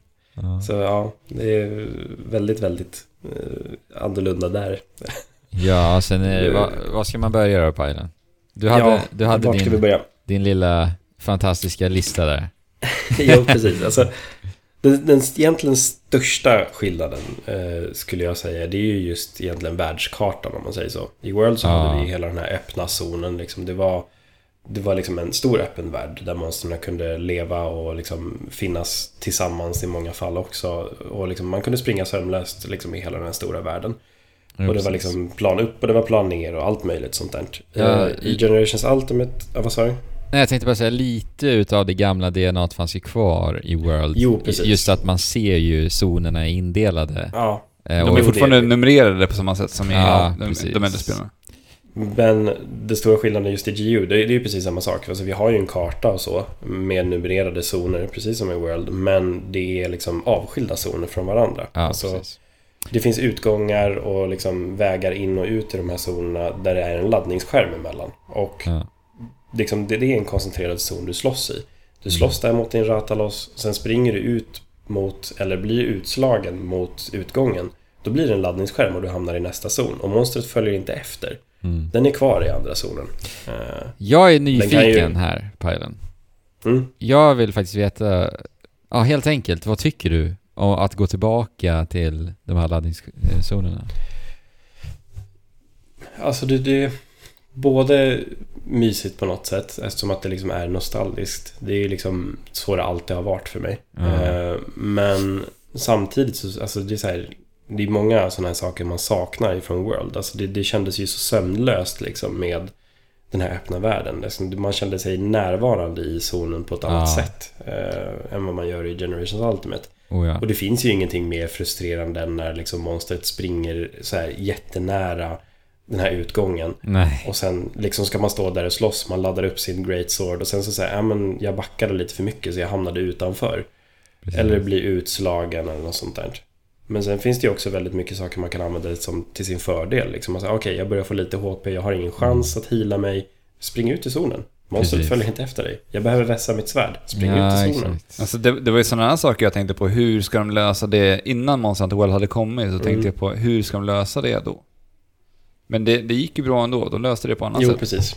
Ja, för där har vi en av de andra stora skillnaderna just så här när man ska till exempel hila sig med en potion. Mm. I World så kan du ju gå, du kan till och med springa medan du dricker din potion. Mm. I Generations Ultimate, som vi har pratat om många gånger i Monster Pep, så gör man ju den här lilla flex-animationen direkt efter man har druckit någonting. Ja. Och du är helt fastbunden på plats liksom. Du trycker på knappen för att dricka en potion, du står still. Ja. Och gör en dum animation efter. Så att man måste ju verkligen välja sitt tillfälle där man ska hila liksom. Ja, Ja, det, det har jag märkt de här eh, tim- inledande timmarna när jag har spelat eh, Generations Ultimate nu. Ja, jag har gjort det- den missen så många gånger hittills. Ja, Jag- jag Jag spelade- gjorde också det. Jag spelade ju med två som eh, blev introducerade till Monster Hunter World nu i och med World. Eller till Monster Hunter i och med World. Och de har ju nu köpt eh, Generations Ultimate. Och eh, en av dem som jag spelar med nu här i, i, i dagarna, jag hörde att han skrek Varför i helvete kan jag inte avbryta den där jävla animationen? Eh, Ja. Men alltså egentligen är det ju en vanesak bara. Alltså, Ja, det är det ju. man kommer Alltså, in i det liksom. Det, jag Och tycker det, inte... alltså det, det, det är ju dumt. Det, det är ju jättedumt. Jo. Men samtidigt också, the old school Monster Hunter har alltid varit det. Ja, ja, alltså det, det, är jättegoofy liksom. Ja, men det blir ju en del utav striderna i det spelet. Alltså, Ja, det är så här att, att avväga var du, när du har tid. Och Mm. verkligen lära sig monstrens rörelsemönster så att du vet att du är säker att ta en potion här. Precis.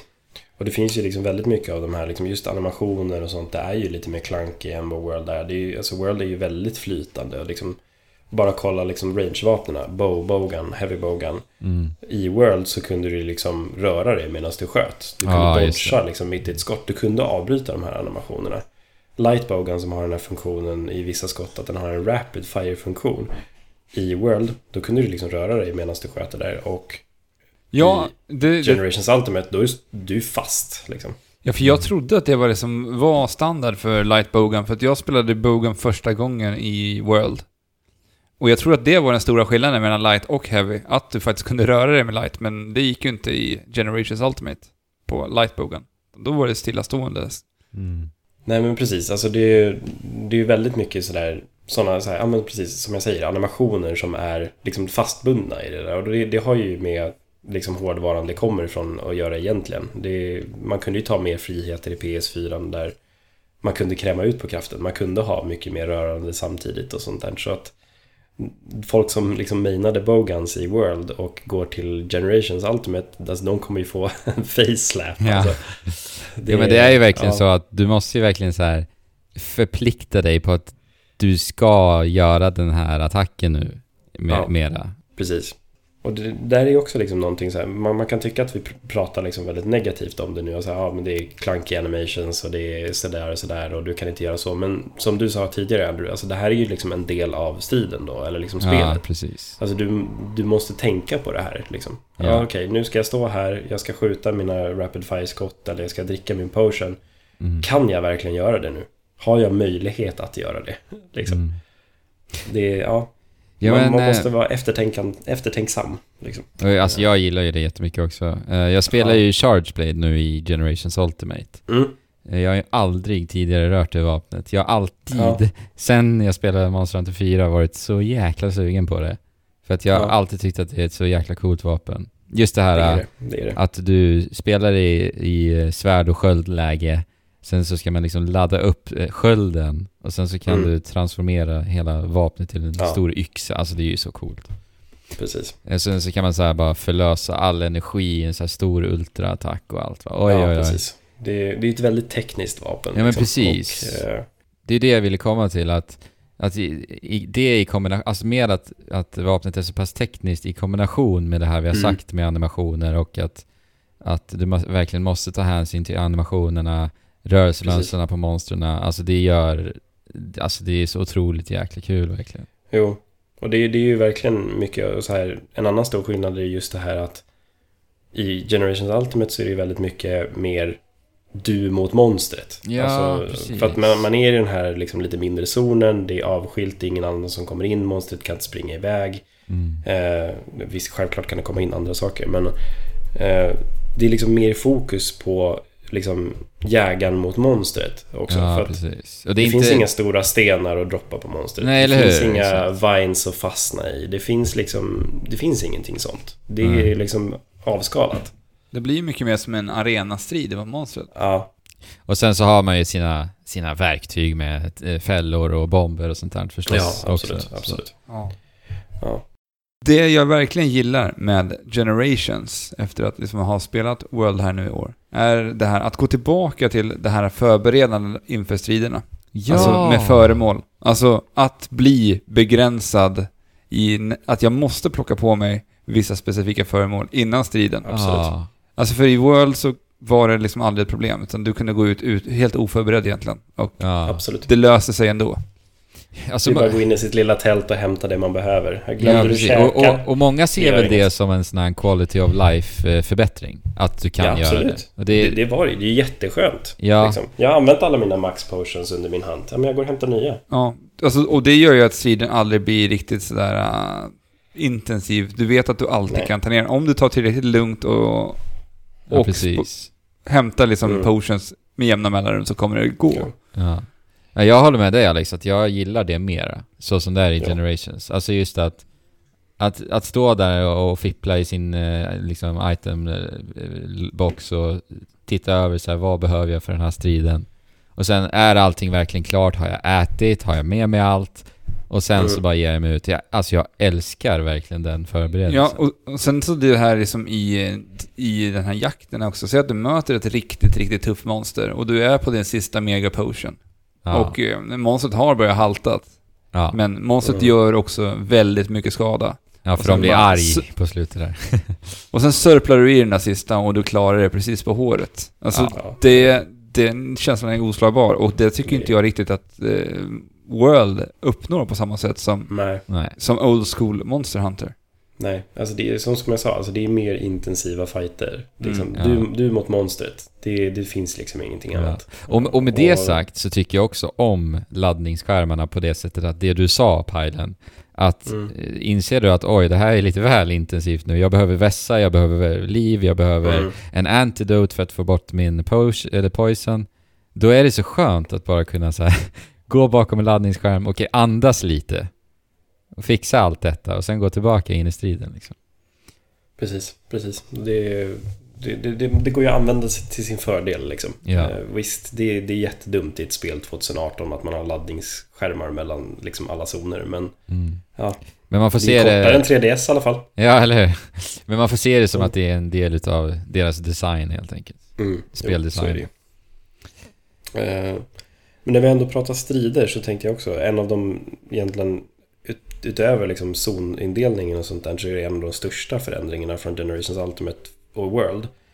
Det är att i World har du ju ett sätt att spela ditt vapen på. Ja, just det. Det, det är ju så. Och sen så i Generations Ultimate så har du styles. Alltså det finns olika hunter styles på alla vapen. Mm. Eh, eller det finns ju sex olika hunter styles eh, per vapen om man säger så kan man säga. Ja. Eh, så vi har guild style. Eh, Som är då egentligen det traditionella. Så kommer du från World så kör guild style så kommer du känna dig ganska hemma. Mm. Sen finns det striker. Det finns aerial. Det finns adept. Och det finns eh, de två nya nu för Generations Ultimate är Alchemy och Valor. Och alla de här ändrar ju om sig väldigt mycket och de tar bort vissa moves och vissa är låsta bakom vissa andra grejer eh, liksom som man måste göra för att komma fram till dem. Och, Mm. Ja, vissa har väldigt mycket olika sätt att liksom förnya hur vapnet ska spelas. Liksom. Så att vi har 14 vapentyper och alla har sex olika sätt att spela dem på också. Ja, på tal om material. Oj. Ja. Ja, Så ett precis. komplext Det- spel har blivit ännu mer komplext. Ja. Precis, precis. Eh, Så som sagt, så kommer du från World, kör Guild Style. Sen kan du experimentera lite grann efter det. Ja. Eh, och sådär. Så att det, det, det finns ju väldigt mycket sätt att spela ett vapen på. Och där, jag, jag som gillar att bygga mixset liksom. Att, ja men okej, jag ska bygga ett mixset för eh, liksom Greatsword. Okej, men vilken style ska jag använda? Vilka armor skills funkar bäst för Adept Charge Blade liksom? Hur Ja. kan jag använda de movesetsen och liksom det jag har i Adept Charge Blade på bästa sätt utifrån min armor skills? Vad behöver jag? Kan jag ha några andra items med mig? Mm. För att det ändras väldigt mycket. Det, det finns liksom, grundmovesetet är ju fortfarande detsamma men det är massa små tweaks liksom som gör så att det spelas annorlunda. Mm. Eh, och det är jättemysigt. Ja, det, det finns ju gott om utrymme för att experimentera. Alltså, Oh ja. jag... eh, Vanligtvis när jag spelar Monster Hunter-spel så brukar jag ju ändå känna mig att jag fastnar vid ett vapen och, och ser till att liksom bemästra det ganska omgående sådär. Och sen så hänger jag kvar vid det relativt länge. Eh, Mm. nu har jag spelat Generations Ultimate 35 timmar och jag har redan Mm. provat på tre vapen. Och det är ganska Ja. annorlunda för mig i Ja. ett Monster Hunter.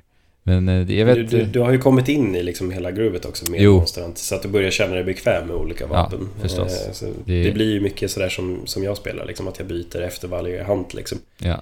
Eh, Men det, det, jag, jag menar att också att det blir, just med stilarna och med alla vapen så, Mm. så känns det så kul på ett annat sätt att absolut, experimentera absolut. Det, det är det verkligen. För, för det- att just med stilarna, då tänker man så här. Ja men den här stilen borde ju vara skithäftig med det här vapnet. Och så provar man Mm. det liksom så här. Det Så är det blir mind, mind blown. Ja. Ja, bara så här. Great Sword, Valor Great Sword. Oj, oj, oj. Ja, herregud, jag spelar det just nu. Alltså, det är så jäkla roligt. Ah. Det, är- ja, Det är så kul. det, är- ja, det är helt sjukt Kan, roligt. kan du inte Det är- förklara Valor lite snabbt? För det är ändå en så här hel Ja. nyhet så att säga. Eh, För er som eh, lyssnar då på Trekraften, om ni vill ha mer ingående liksom, eh, kring alla de här st- stylesen så kommer jag gå igenom det i Monsterpepp. Men kort och gott, Valor är att du har en ganska basic liksom, moveset på ditt vapen från början.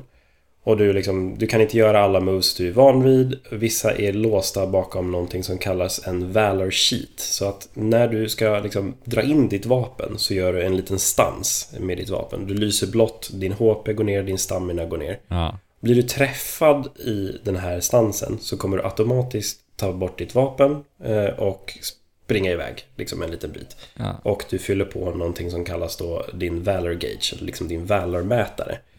Och i den här stansen kan man också göra attacker som också fyller på din Valor-mätare. Och när den har blivit full, det är då det liksom exploderar. För då Ja. har du massa nya moves, du har i många fall vissa vapen har en, vad man kallar den här Valor eh, Just så det. små steps liksom som man bara kan chaina ihop så länge man har stamina. Mm. Och alltså, hela movesetet för vapnet verkligen exploderar och liksom, Mm. du får boost i attack och du, du kan fortfarande göra den här dodgen och liksom, ja. Mm. Det, det är en väldigt, väldigt spännande stil och man kan vara så otroligt aggressiv när man spelar den. För att Ja, du kan ju dodga allting med den här Valor Stance-grejen. Ja, precis. Eh, Och- det tar ju fortfarande lite damage från alla attacker och sådär. Så att man måste ju fortfarande vara försiktig. Det är inte så att du negatar 100% damage om du dodgar någonting. Utan du tar 30% av den skadan av vad den attacken skulle ha gjort liksom. Och det som är så härligt när man gör den där dodgen, det är att då inleds, inleds ju en sån här springanimation också. Så, Mm. att, så att man kan ju ganska snabbt bara springa in i Positionera striden. om sig. Ja, precis. Ja, precis. På en gång liksom. Det, ja, alltså det, det finns ju väldigt mycket vapen som är helt gala i Valor. Alltså Ja. som tidigare nämnda Great Sword. eh, Jag har ju spelat väldigt mycket Longsword nu. Valor Ah. Longsword. Den är alltså... Monsterna får ju inte... Alltså de... Jag, jag släpper ju aldrig monstret. Alltså jag är ju på den hela tiden och trippar och slår sönder och hugger av svansen. Och liksom, jag måste ju vara så irriterande. Ja. Eh, Men fan vad roligt det är alltså. Det är Ah, det är så kul. underbart. Underbart. Och Jag- det är liksom en av sex styles. Ja. Ja, alltså det här måste ju vara det mest optimala Monster Hunter-spelet för dig, Niklas. Mm. Alltså, du har ju... Du älskar ju att sitta och pilla och nörda Ja. på in i minsta lilla detalj. Min maxa till tusen. Ja, och nu kan du göra det här på alltså, sex olika Ja. varianter på gånger då. Hur många vapen är det? 14. Ja, 14. Och sen kan du göra, alltså du har hur mycket tid som... Du kan lägga ner säkert tusen timmar i det här spelet. Jo, Ja. gud, ja. Jag, Jag skulle- behöver aldrig spela någonting annat. Som jag har sagt hela tiden. Jag ska inte spela något annat i år än Monster Hunter. så får du bara lägga upp ett schema så här, men nu kör jag Valor Longsword den här veckan. Vad kör jag Ja, nästa typ så. vecka? ja, nej. Men, Ja, alltså, jag- jag är-. Jag känner mig fortfarande lite lost. Jag kommer ju aldrig riktigt in i de här olika hunting styles i Generations. Jag såg ju min gamla Nej. sparfil, han klämma in typ 60 timmar i Generations. Sen så var det något annat spel som kom i vägen. Ja. Eh, så att jag, jag vill ju ha lite tips ifrån dig, för jag, jag anser att du är en Monster Hunter-specialist. Ja, jag, jag skulle Ja, väl kanske inte säga det själv, men... jo, ja, men, jo, men det är du. Det, Ja. Så är det. Eh, och det, jag tror att Andy kan skriva under på det också. oh ja, definitivt. Eh, jag har ju två vapen jag vill spela i Monster Hunter Generations. Ja. Och det är Longsword och det är Light Bowgun. Mm. Så jag vill bara ha ett tips ifrån dig. Vad, vad du tycker jag, jag ska börja med för hunting styles på diverse vapen. Eh, alltså jag skulle säga fokusera mycket på longsword i början. För du har ju börjat om också, eller hur Alex? Du har inte tagit över din 3DS-fil liksom. Jo, jag har gjort det. Du har gjort det? Okej. Ja. ja. Eh, men alltså, kör, kör hårt på longsword i början. Ja. Eh, och liksom tryck på det. För att just det som Bogan behöver mycket i början är ju just de här ammon. Hon- Ja, Oftast har man just väldigt ont om pengar och man har ont om material för att mixa ammo och sånt där. Det kommer mycket mer i endgame, liksom när du kan farma sånt där. Mm. Utan att behöva liksom blinka med ögat. Eh, så att fokusera på longsword till att börja med och liksom kör på det. Mm. Eh, tidigare nämnda Valor, absolut. Det är liksom absolut den roligaste stilen att köra, det skulle jag säga. Men är du ovan vid eh, longsword, för du har inte spelat det så mycket i tidigare spel, eller? Nej, det är ett Nej. nytt vapen för mig. Eh, jag skulle då personligen rekommendera antingen att du kör Adept. Eh, för då har du ju då, om vi ska prata styles igen, så har du ju den här uh, Adept-dodgen. Eh, så att du kan ju dodga igenom vilken attack som helst. Ja, för det är den jag har kört på nu på Mm. min Light Bowgun. Ja, och det, det, det funkar ju jättebra. Den är ju svinrolig. Mm. Eh, och liksom bara kunna än en gång liksom vara väldigt aggressiv. Liksom. Ja, men Ratalossen skjuter en eldboll mot dig. Spring inte iväg, hoppa in i den. För att du dodgar den automatiskt. Mm. Och kan göra liksom attacker efter. Eh, och just Longsword då, du bygger ju upp din Spirit Gauge som man använder väldigt mycket för att liksom boosta din attack. Den ska alltid vara liksom på röd. Den går ju från vit till gul till röd. Eh, när du gör din liksom finisher i din Spirit Combo, vilket du gör på R-knappen. Mm. Nu blir det så väldigt ingående för alla som inte är vana. Men eh, då by- bygger du upp den här väldigt snabbt för att du gör inte hela den här långa kombon som man vanligtvis gör. Okej. Så antagligen adept. Vill du fokusera på någonting annat, eh, som just så här, som jag sa, striker, då har du mer av det traditionella movesetet. Men du kan också equippa, som vi inte har gått in på än, eh, tre hunter arts. Vilket är då liksom så special moves, liksom. Stora powerful finishers. Ja. Som liksom byggs upp under tiden. Eh, och Longsword har extremt bra eh, Hunter Arts. Så att kunna ha tre stycken av dem. Det är väldigt, väldigt bra. För att Adept till exempel kan ju bara equippa en Hunter Art. Så då måste du verkligen tänka på vilken du väljer. Mm. Sådär. Så att prova lite grann på dem. Adept eller eh, Striker. Och sen när du liksom börjar känna dig bekväm med Longsword, prova Valor. För att den är svinrolig. Jag ska testa. Ja, gör det. Och Tack. sen så det vik- viktigaste är egentligen att hitta någonting som du tycker är kul. Tycker du att Ariel är jättekul, kör det. Mm. Tycker du att Guild är svinkul, kör det. Jag har Ja. inte provat Ariel än. Alltså jag tycker att Ariel Nej. ser så himla kul ut. Ja, det, det är ju ballt. Det är det ju. Ja. Jag körde ju Ariel, jag körde Ariel-hammare i eh, Generations. Ja. Det var det enda jag körde i mina 60 timmar. Ja, det var Ja. det. Ja. Men det var Eh, kul. Så, ha, så hade jag ju fiskdräkten. Det var därför jag Ja. hade fiskdräkten, för den gav mig bra Ariel-buffs. Ja, okej. Jo, precis. Ja. Ja, nej, det, det, det finns, som vi har sagt, det finns ju så många sätt att spela det här spelet på. Det är Ja. enormt. Liksom. Och sen så här, en annan ganska stor skillnad från eh, World till Generations Ultimate är ju armor och skillsen. Mm, Hela det, jag sättet skulle du, precis komma in på det också. Ja. Det, som man bygger sin rustning på va? mm, precis, det är ju det man ska bygga efter mycket. Jag, alltså, som jag liksom har med mina mixet, jag ser ut som fan oftast men mina skills är skitbra. Eh, liksom, och man kan kombinera ihop det och så. Men den stora skillnaden här är ju just i World så hade vi ju de här små plupparna liksom. Ja, men du hade din Ratalos Chest, den gav två stycken i Fire Attack. Och du kunde Ja. ha max fem. Ja, Ja, Okej, då tar du den här chesten, då får du två stycken i Fire Attack och så har du ett par byxor som ger en i Fire Attack. Då får du totalt tre i Fire Attack. Ja, precis. För att eh, alla skills som rustningar, rustningsdelarna har i World aktiveras ju. Mm, Men sen är det bara precis. frågan om vilken nivå Ja. utav dem. Ja, precis. Mm. Så ju mer pluppar desto bättre vart det ju hela tiden. Liksom. Ja. Ja. men hade du fem stycken i earplugs, ja, men då kunde du stå emot vilket monsterkrig som helst. Ja, precis. Eh, och sådär. Så att det, det, det är ju väldigt simpelt och det var väldigt lätt att liksom, bygga efter det och väldigt lätt att förstå. Medan i Generations Ultimate, då, då går vi in på eh, mitt favoritområde med matematik. Ja. Eh, för att det är precis som du säger, alla skills i World är ju aktiverade hela tiden. ja. Du behöver bara tänka på plupparna. Men i Generations Ultimate, då har du liksom... Vad ska man säga? Det finns nivåer för hur Ja. mycket du måste ha i den. För att Ja, precis. du har Det är en chest. Det är ju en tröskel du ska öv, kliva över. Precis. En numrerad tröskel kan man väl säga. Precis. Om vi ska ta det igen, liksom, du har din Ratalos chest. Den har attack plus 3, ja. kan vi säga. Yes. Och sen så kanske du har en... Eh, ett par legs igen då, som har attack plus 2. Ja, men då har du 5 i attack. Precis. Men för att få attack up small, den första liksom buffen i attack up-skillen, då måste du ha 10 i attack. Exakt. Och det är där tröskeln ligger, 10 just. Ja, Ja. precis. Så för att, så för att aktivera en, en skill så måste Ja. du kliva över den tröskeln 10. med 10. Ja. Ja. Och sen så finns det ju vissa skills som då går till 20 eller 15 eh, och sådana saker. Ja. Och det finns ju också, gentemot World så finns det ju negativa skills också. Så att du kan ju få minus i attack till exempel. Ja. Om man får ett minus 10 i attack, ja men då har du attack up small. Alltså minus, liksom, Ja, så precis. du får mindre attack. Ja. Eh, och det finns samma sak för defense eller för, eh, ja men du kan få negativ kritchans liksom och allt det där. Det är, det är ett jäkla pussel är det Ja. oftast. ja, men det är ju verkligen ett pussel alltså.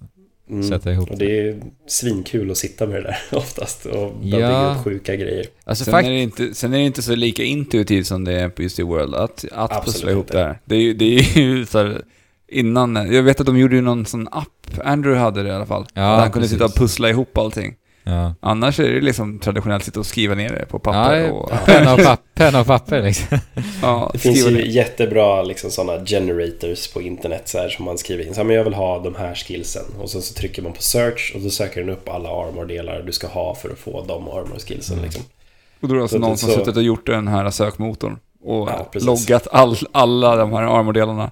Ja, precis. Monster. Från alla 90 monster. Ja, Det är lite intressant sen när jag spelar Generations Ultimate, för jag ser mig ändå spela Monster Hunter lite annorlunda. För just bara det här med, med armor, rustningsdelarna, Mm. skills och allt. Jag fann mig ju aldrig själv pussla ihop det när jag spelade 4U. Mm. Utan då använde jag, som Alex sa nu, den här appen istället. Appen liksom. Men, ja. nu, men nu har jag faktiskt så här själv börjat pussla och det är jäkligt roligt alltså, när man, Ja, när man är- får ihop det liksom.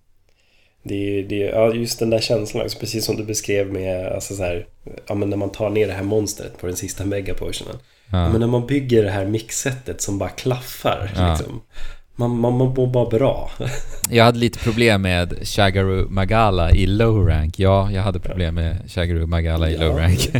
Det får man ha. Och då eh, faktiskt var jag tvungen att gå tillbaka till ritbordet och fixa en bättre armor för min Adept Charge Mm. Och jag sparkade arslet ur rackaren sen. Alltså Mm. det, det är verkligen Ja. förlösande. Faktiskt. Ja. ja. Armor skills gör ju extremt mycket. Ja. Det, är, det är det ju verkligen. Det, det är mycket... Det är nästan allt om man säger så. ja så det har är jag det ju sett faktiskt. jättemånga på G-rank nu när jag har kört som så här har typ så här Challenger plus ett som bara sin skill liksom. Och jag bara, men hur fan kom du hit? Ja. Alltså det, Det, det, det är fantastiskt. Det är ju typ ett av det absolut viktigaste i Monster Hunter skulle jag säga. Och jag skulle nog säga att det är därför jag inte fastnade helt i Monster Hunter 3. För att jag inte begrep mig på systemet. Nej, För jag Nej, försökte precis. ju kasta mig in där helt själv. Utan att ha Mm. någon som spelade spelet med mig. Mm. Mm. Eh, Ja, jag, jag spelade ju faktiskt Monster Hunter 3 hos dig Alex. Och bara så här frågetecken. Eh, Ingenting fastnade i mitt minne, näthinna överhuvudtaget. precis. och sen så tänkte jag aldrig mer på spelet igen.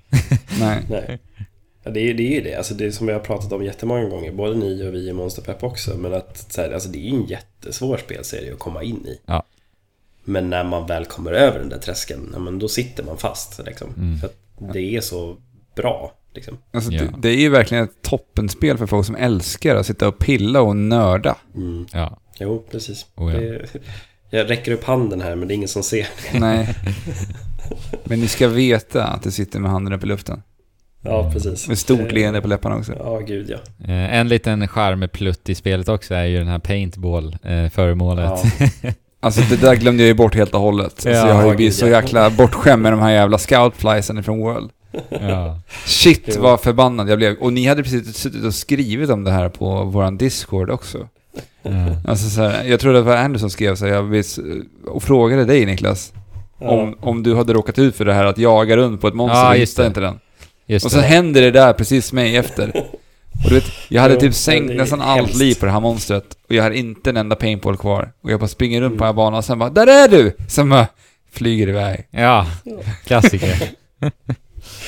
Jo, Eh, för det, ja. det har vi där. Det är just som, som du nämnde, Scoutflies i World. Liksom, de följde efter monstret. Och så här, det var bara följa, follow the glowy bits. Liksom. Mm. Medan i Old School Monster Hunter så har vi det itemet Paintball. Du måste kasta det på monstret. Det håller ungefär 10 minuter, sen försvinner den. Och då måste man kasta en ny. Eh, för att då se vart monstret befinner sig på kartan hela tiden. Och glöm inte att plocka med kartan för den ligger i lådan också. Ja, bara i low rank. Ja, Ja, bara det. low rank. I high rank så försvinner den. Mm. Eller då, den är ju där, men man blir droppad var som helst på zonen. Ja. Det är ju helt random. Så.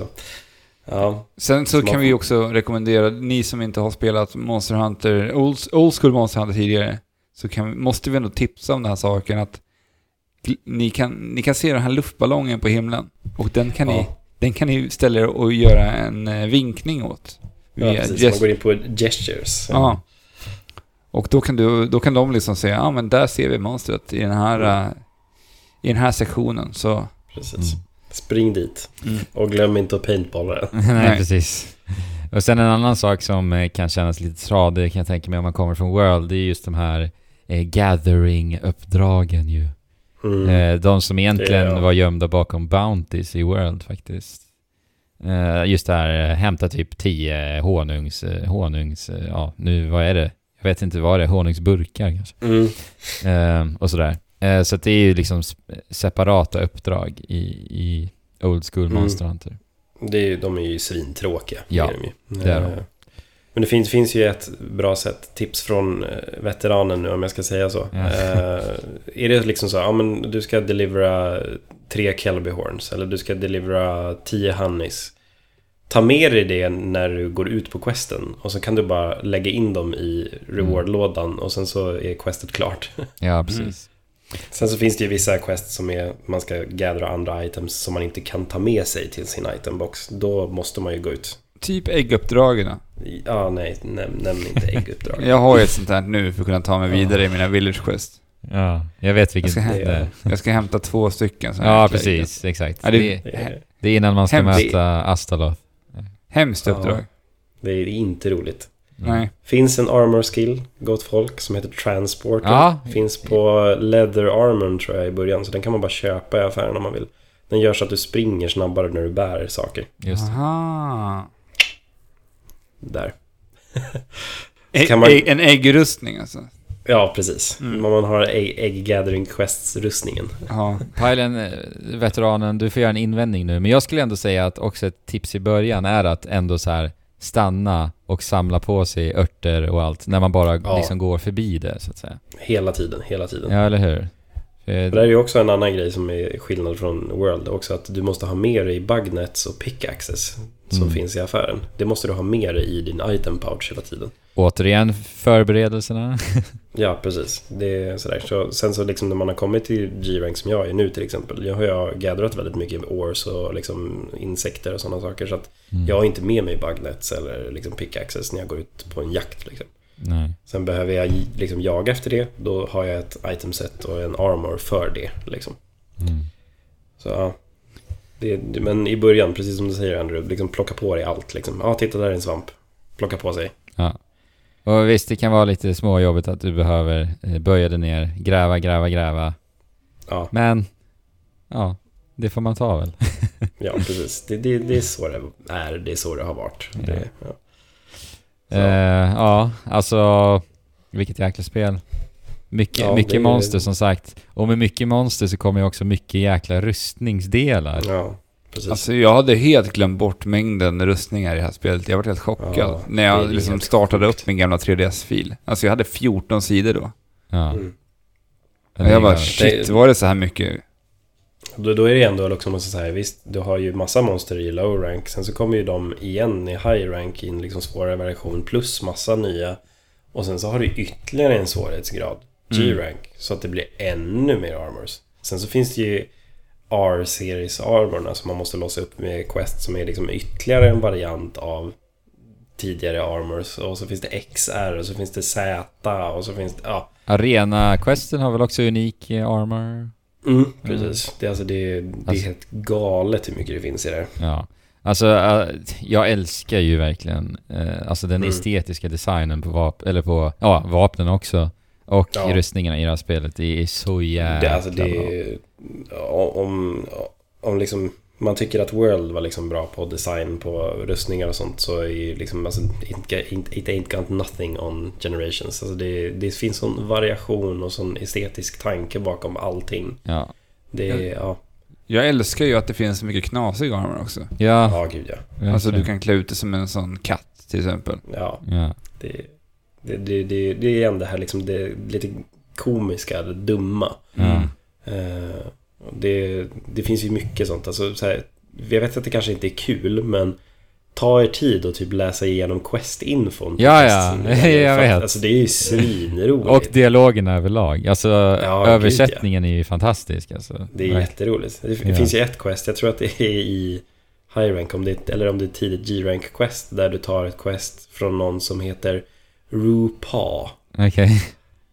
Som är då en, eh, som man ska samla lite grejer för att RuPa, han vill lukta fierce.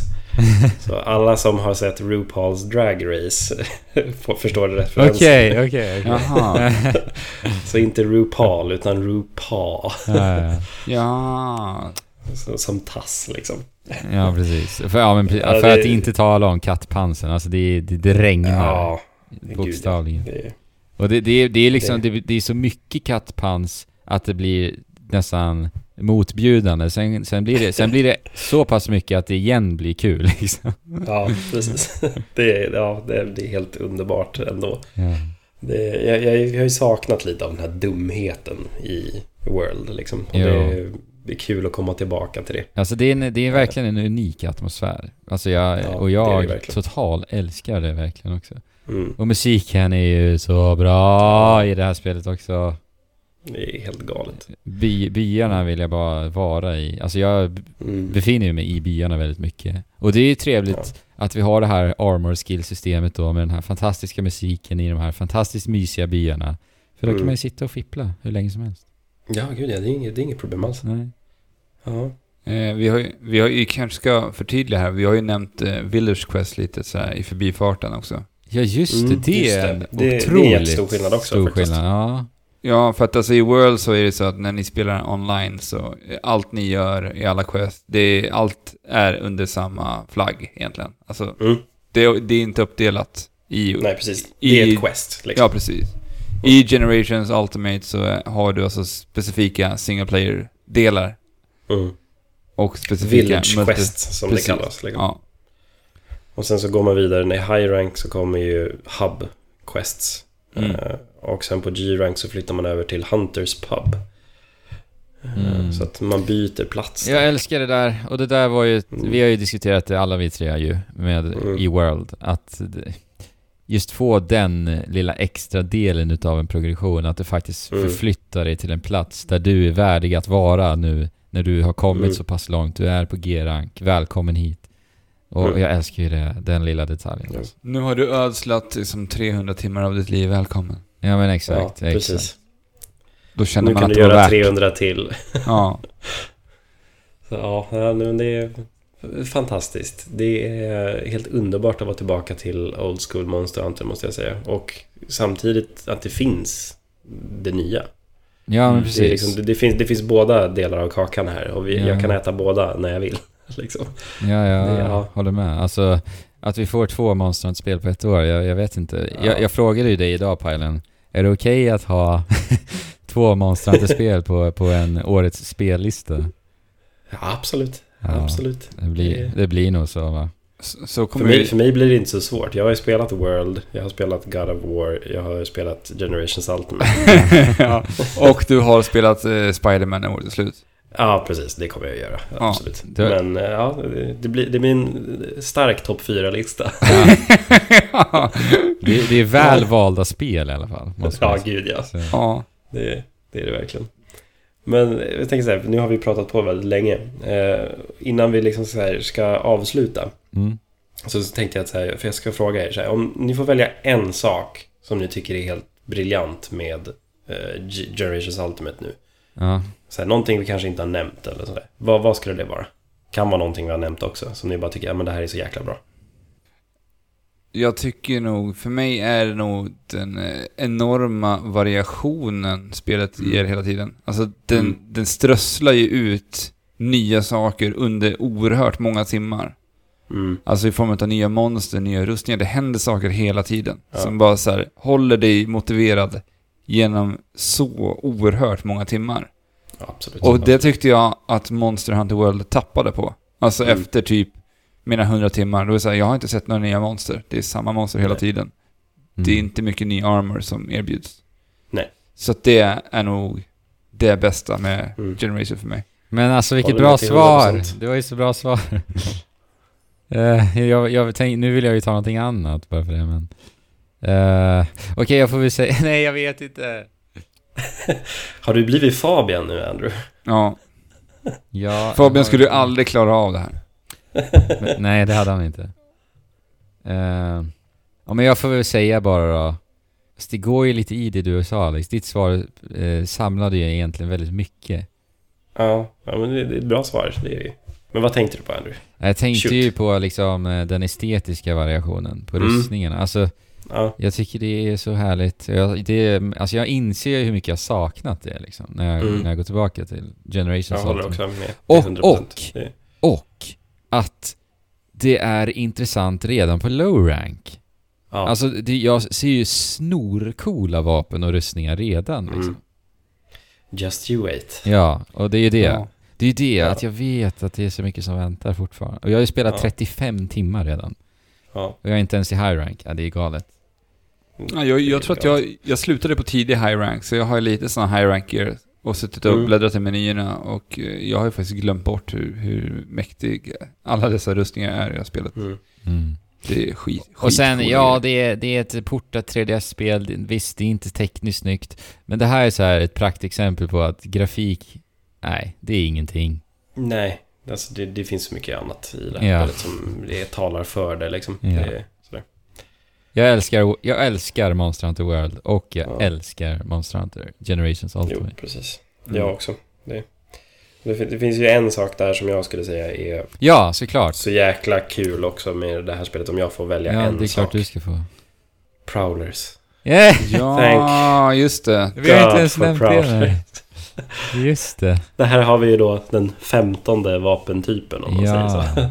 Där man kan spela som en katt. Liksom. Mm. Då har du Prowler Mode där du Då behöver du inga items, du kan inte dra några potions och sådär och de har helt egna uppsättningar av liksom skills du kan använda och passiva skills som de kan få och Ja, det här det är ju ett helt eget spel i sig att liksom bygga den perfekta prowlern. Ja. Och här igen liksom jag Men räcker upp handen. Jag är någon som gillar att minmaxa liksom. Men, Ja. men hur funkar det med vapen på, på Prowlers? Kan du byta olika vapen där också? Yes, det, det, det finns ju olika liksom, vapen Så- från alla monstren och sådär. Men det finns inga uppgraderingar på dem, utan du gör ett vapen Nej. och sen så går det inte att uppgradera. Samma sak liksom med rustningarna. Sen så finns det ju liksom high rank, low rank och G-rank varianter på alla. Eh, Wow. Som är bättre. Alltså, Så, det låter ju verkligen som att det här kommer bli det spelet du, eh, Niklas, kommer lägga ner mest tid på någonsin. ja, jag tror det. Alltså om, om vi säger så då att jag låg ju ungefär på, ja men strax över 300 timmar på 3DS-versionen. Som Andrew sa så har jag spelat ungefär 90 timmar nu i Switch.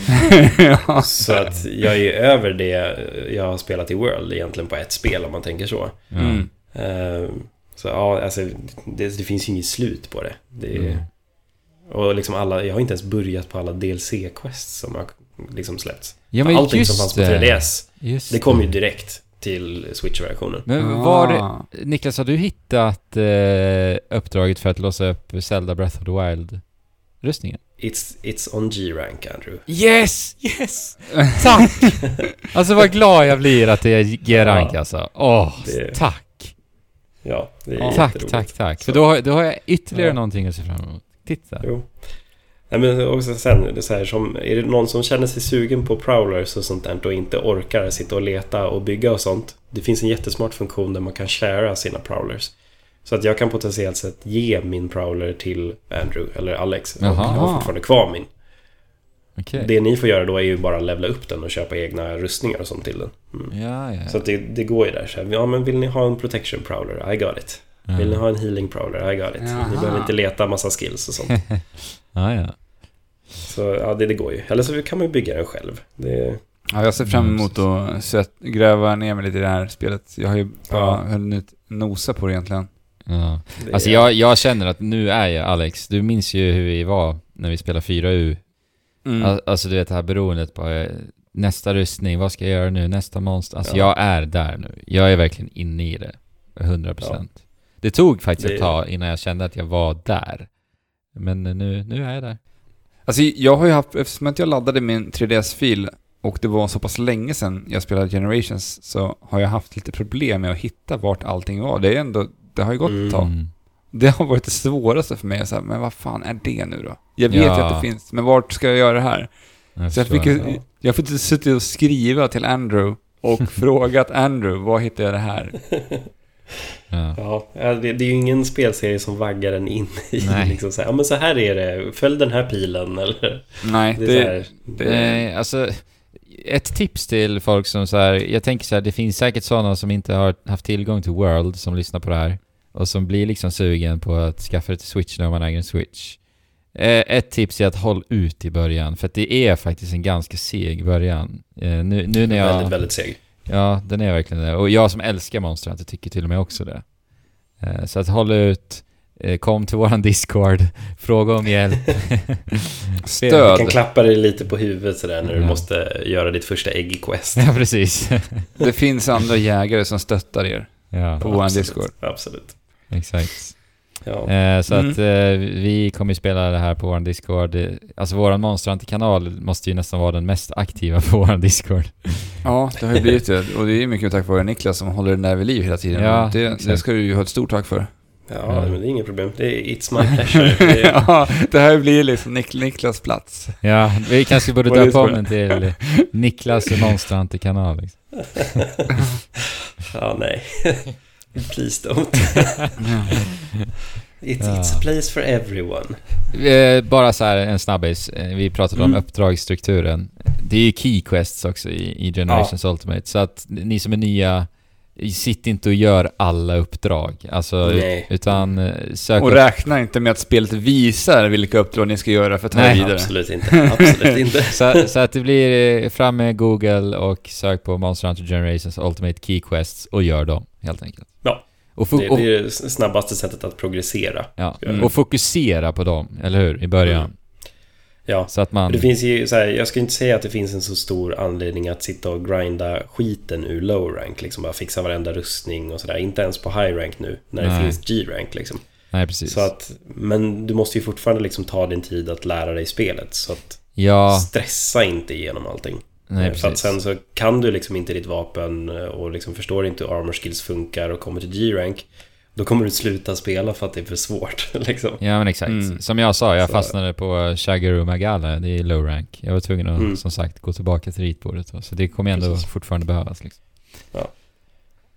Och är det någonting man undrar kring vapen eller något sånt där, kom till Discorden. Eller gå till våra husgurus, Gaijin Hunter eller Arx Ja, eh, precis. Gaming på YouTube. eh, För de gör jättebra tutorials kring sådana och så här små tips kring vad man kan tänka på och sådär. Mm. Så att eh, kolla in det om du undrar någonting eller fråga liksom i Mm. Monster Hunter-kanalen på Trekraftens Discord. Yes, den hittar ni i beskrivningen till eh, Absolut. avsnittet såklart.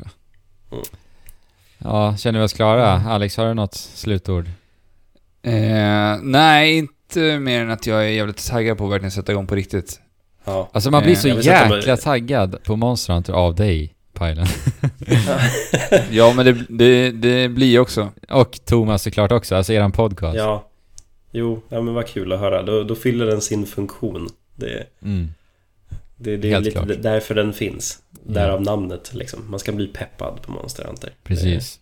Det, men det, det blir väl så när man, man pratar om någonting man brinner för liksom. Det smittar av sig lite. Ja. Det gör det.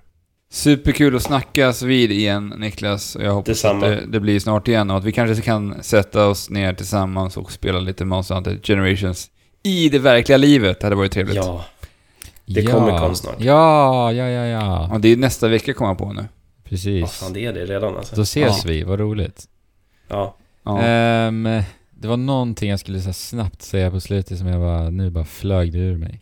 En jättekort snabbis. Den kändes viktig, men nu försvann den. Då var den inte så viktig. Då var den inte så viktig. vi struntar i det, helt enkelt. Eh, Ja. Vi sa ju inledningsvis här, ja men det kanske blir en eh, 30-40 minuter.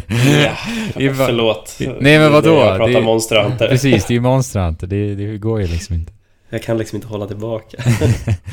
en timme blev det, men det är skitkul. Ja, Tack Mm. så hjärtligt eh, Pajlen. Kul att snacka med dig. detsamma. Det har varit jättetrevligt. Eh, Alex, du och jag, vi hoppar tillbaka till eh, fortsättningen på vårt avsnitt. ja, det gör vi. Och Pajlen, du hoppar väl tillbaka till fortsättningen på ditt avsnitt? Absolut. Nu blir det vanliga segmenten i Monster. Trevligt. Hej svejs. Hej då. Hej. Ja, men välkommen tillbaka då. Ja men tackar tackar. Jag? Nu är Fabian tillbaka Du. också. Ja, Nu är jag tillbaka. hej Fabian. Hade ni ett trevligt Monster Hunter-snack? Ja, det det hoppas jag att vi hade. Ja, men, det Det är- var trevligt. det är inte inspelat nu, men jag tror det var... Det, Eller så här, så här, jag är övertygad om att det var helt eh, otroligt trevligt.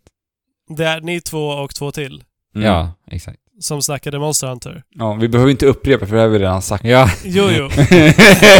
det, Jo, jo. Men det- jag vill bara så här mm, kommentera, eftersom att vi inte vet hur långt det kommer bli, men att det har en tendens att kunna dra ut en hel del på tiden när man snackar ja. ett spel så som Monster Hunter. Det vet Mm. lyssnarna bättre än vad vi vet nu i alla fall. Ja, Mm. det gör de. Ja, har det hänt lite news, lite nyheter? Har det hänt någonting i spelvärlden de News, senaste news. två veckorna? Dagen vi spelade in förra veckans avsnitt, eller förra veckans, jag är så van att säga det. För- förra veckans avsnitt. Så släppte ju CD Projekt Red Nej, det var förra veckan, för vi har ju möte de veckorna vi inte spelar in nu. Oj, oj, oj, det är så mycket Precis. nytt. Det är så mycket nytt, hörni. Um, CD Projekt Red släppte en eh, 48 minuter lång gameplay-video ifrån Cyberpunk 2077. Det här var ju den videon som de visade bakom stängda dörrar på E3 och även på GameStop. GameStop! Nej! Gamestom. Gamescom! Eh, Ga- Gamescom! ja. eh, för press då. Nu släppte de bara lös den. De gjorde en sån här livestream. Eh, lite kryptisk, märklig. Från ingenstans, boom. Och sen så började det laddas upp någon form av mätare, eh, procent upp till 100. Och sen när det var 100% så boom släppte de videon. Och de hade typ Yes. de hade typ e-sportsnummer när det kom till tittare. Det var så här 200, över 200 000 som tittade. Ja, men det är ju galet hur hypat det där spelet är. Ja. Mm. Och eh, ja, 48 minuter lång video. jag Alltså, ska vara helt ju- ärlig, jag ska vara helt ärlig, jag har inte tittat igenom hela för att jag har eh, inte orkat. Det- Jag tyckte det var lite väl långt va? Det är nästan som att titta på, eh, inte en film kanske, men... Ja, men en serie. En serie, ja precis. Ja. En serie Du, då missar du, det är ett avsnitt av Handmaid's Tale. Ja men nu har jag ju sett klart det. Men ja, Ja. precis. Exakt. Ja. Och vi är inte personer som vanligtvis sitter och tittar på när folk spelar spel i va- vanliga fall. Nej, Nej. för vi vill spela spelen själv. Helst. Ja, Ja, men det är klart det att går. det är spännande att se ett sånt här hypat spel förstås. Och sen, Det är det. sen hade Mm. de med Men, en, eh, en ifrån CD Projekt som pratade om spelet och deras tankar bakom det och allt va? Precis. Så med det sagt så har vi inte, inte tittat på videon. Nej, exakt. Även om det inte är i sin hela helhet. Nej, precis. Alex, har du kikat igenom den här också? Lite grann? Alltså jag har, koll, jag har kollat lite eh, snuttar av den. Ja. Lite hur, hur det ser ut och, och så. Men om vi säger så här då. Jag vet ju att du vart ju väldigt exalterad utav CGI-trailern på E3, Alex. Ja. Tycker du att den här når upp till de förväntningarna och hur du målade upp spelet där och då? Mm, Nej, inte det jag har sett riktigt. Nej. Det här är ju första person. Eh, Kan man spela i tredje person överhuvudtaget? Tror inte det. Nej, nej, nej, nej. Jag tror inte det. De sa i början att det är första person. For Ah, your full immersion in the world. Yeah! Hell yeah. Yeah. Um, I alla fall, en stor del av det här, den här videon är ju väldigt mycket liksom inledande dialoger. Mm. När du bara liksom tittar på folk som pratar. Vilket ju alltid, för att bryta immersionsargumentet, Ja. så känns det alltid så himla dumt att bara sitta och titta på någon som pratar om saker, du vet. Ja. Eh, och det är typ he hela första halvtimmen av den här videon, mer eller mindre. Ja. Eh, så får man lite dialogval Ja. eh, i vanligt manér. Tänk Fallout eller, Ja, precis. Ma- Eller- Mass Effect. jag vet inte, Mass Effect. Ja. Men det de visar ser ju riktigt jäkla snyggt ut. Ja, men det gör det Mm. verkligen. Men frågan är, kommer det se ut så här liksom slutgiltiga versionen? Troligen inte. Men vad vet jag? ja, de var ju väldigt tydliga med att säga att det här de visade upp nu är också ett spel som verkligen är i, i full utveckling. Så att Mm. om det kommer bli snyggare eller mindre snyggt, det får, får vi se. Det är bara tiden som kan utvisa det. Men, Å andra sidan så har ju Nvidia släppt sitt nya grafikkort. Jo. eh, som har en helt ny arkitektur som eh, ska i realtid kunna eh, generera ljus och ljusreflekter. Ja, just det. Reflekter, reflektioner. Just det, vad kallade de det? Ray tracing. ja, det heter raytracing. Mm. Uh, vilket, jag vet inte till vilken grad man kan göra det, men det är ganska... Jag måste bara säga, har ni sett den här bilden? Där det är Ray från Star Wars och Tracer från Overwatch. Och så står det Ray tracing. Nej, det har jag missat. ah, internet. ja. Men eh, med det så kanske vi kan se någonting. Men det är ju liksom på PC high-end. ja, eller så blir det en eh, nästa generations titel va? Det, det, Jo, men det kommer det. ja, det känns ju som att CD Projekt Red, de kommer ge det här spelet all tid det behöver. Sen kommer de Ja. släppa det när det är klart. Ja. Och det, det är därför jag har så svårt att bli hypad av den här gameplay-trailern också. För att eh, vi vet att det, Det ligger så, så lång långt bort. kvar. Ja, precis. Ja. Jag håller med. Och det ser ju inte superspännande ut och det är mycket på, det, på grund av det du sa också Fabian, tycker jag. Att, jag menar, vi står och pratar lite. Och visst, alltså detaljrikedomen är ju sinnessjuk. Alltså det är ju verkligen haktappande. Alltså världsbyggandet, det är ju helt otroligt Mm. verkligen. Och CD Projekt Red är ju verkligen mästerliga på det, de visar det även här. Och, och, Mm. Men annars, det förväntade jag mig också, för de är ju så pass kompetenta. Men det är ändå jäkligt häftigt alltså. Ja, Ehm, precis. Men, men hur känner ni för att det ska vara i första person? Alltså jag önskar någonstans att jag hade kunnat spela det här spelet i tredje person. Alltså det, jag tycker att det bidrar väldigt mycket till den här typen av spel. För Jo, min del. alltså det håller jag med om. Fast å andra sidan så gillar jag inte att spela till exempel Bethesda-spel i tredje person Nej, men det är för att de ser så- de- kast ut. Ja, de ser ju sjukt risiga ut. Ja. Jag hade ju gärna spelat Fallout om det hade sett bra ut. ja, I men, tredje person. Jo. Ja men i, i, i rollspel så tycker jag ju om tredje person av den anledningen att du ser visuellt progressionen på din Ja, karaktär. din karaktär. Ja. Ja. Mm. När det är första person då kommer du ju inte se det. Alltså visst, det kanske kommer vara något användargränssnitt som du ser det istället. Men det är ju inte lika spännande. Nej, alltså att- jag gillar ju att se min karaktär. ja, exakt. Än att vara den. Mm. Och för att, alltså i, i ett RPG så blir det så att det är en lång resa ni ska göra tillsammans. Och jag tycker att det, den blir starkare resan när jag spelar den personen i tredje person. Mm. Där jag kan Ja. se den här karaktären och dess progression genom alla de här Precis. timmarna man ägnar tillsammans. Ja, jag håller med För dig. att första... Ja, jag håller med också. För att första persons vy är inte så immersive som vissa kanske vill få det att låta. Nej, alltså jag Nej. tycker inte det när det heller. kommer till praktiken. Ja. Jag menar, det, om det ska vara i första person och det ska kännas immersive, då ska det vara VR. Liksom. Då är det immersive. Jo, men- precis. Första person, det, det känns bara konstigt när man måste liksom kontrollera kameran på det sättet som man framför allt måste göra med en kontroll på konsolerna. Ja, och, och sen när man tittar på striderna i den här demon. Alltså när jag ser första personstrider idag, då är det så här. Jag jämför ju alltid med Doom. Ja, jo. det här ser inte kul ut när Doom finns. Alltså, så är det ju. I, när det kommer till strider i första person idag. Eh, Titanfall är också en av dem som Ja. är mästare där. Men det, det, jag vet inte, det ska så mycket till för att strider i första person ska vara på kul. Eller rikt, på riktigt Ja. kul. Och när det är just Mm. rollspel också.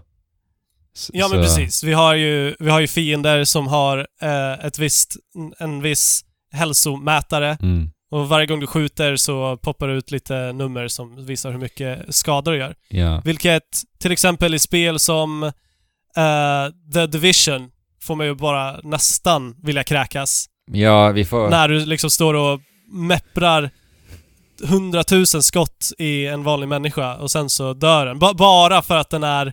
Det, det är bossen, liksom. På tal om immersion, så det får vi hoppas Ja. att eh, CD Projekt inte gör. Men å andra sidan, det är ju cyborgs. De är ju halvt eh, människor, halvt robotar här. Så då. Jo, jo.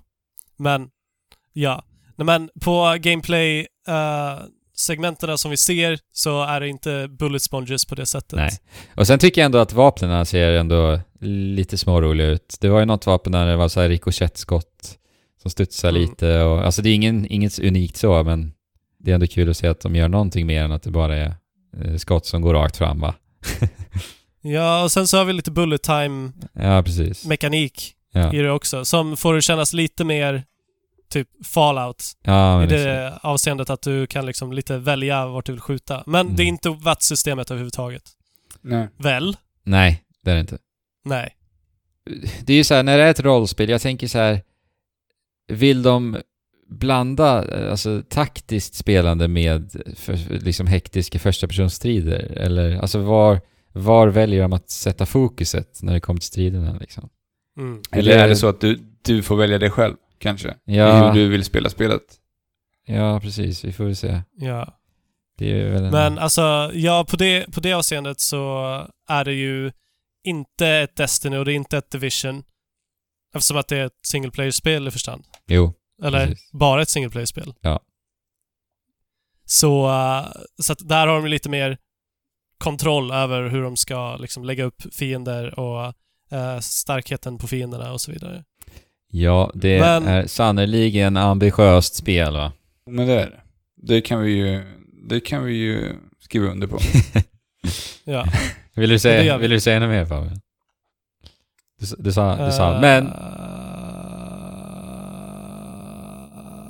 Nej. Det ser vi fram emot, även om vi inte blir superexalterade när vi vet att det är eh, väldigt, väldigt lång tid kvar. va? Mm.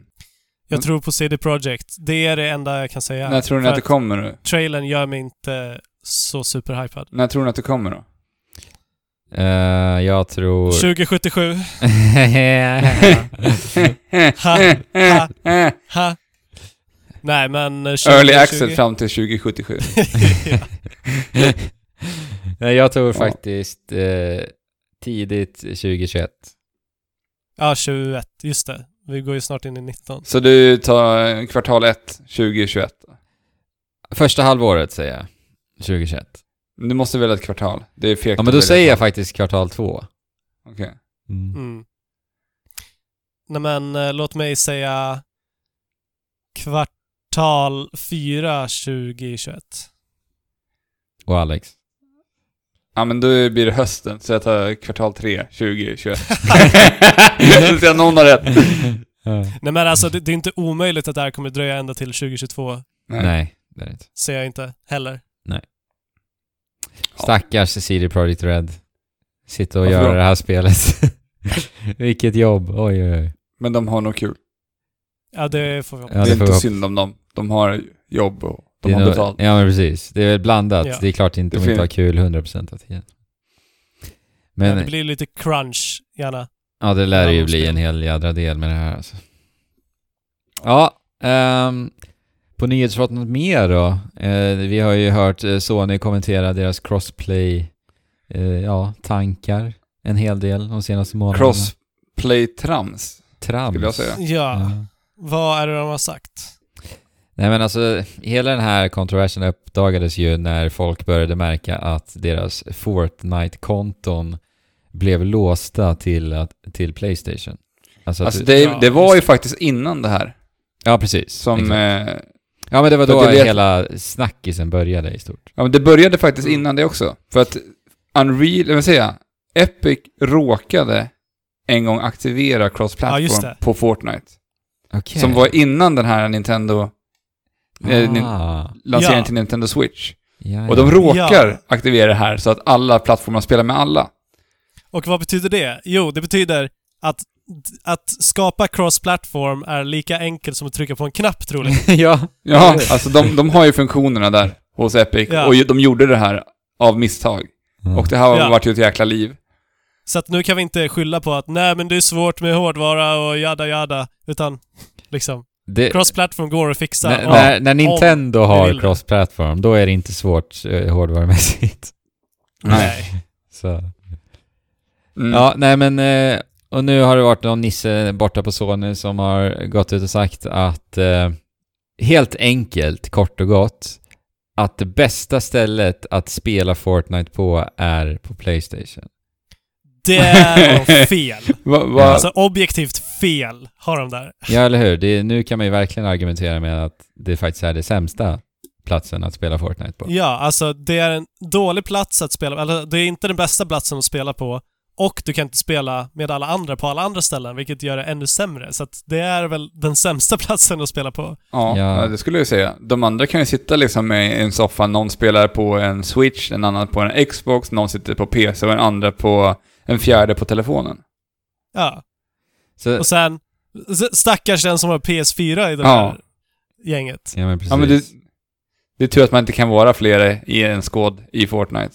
Ja. Nej men, här är de, här är de för övermalliga alltså. De sitter på sin tron och tycker och tror saker och ting. Ja men det som är helt bortom mig, det är så här, varför säger ni inte bara som det är?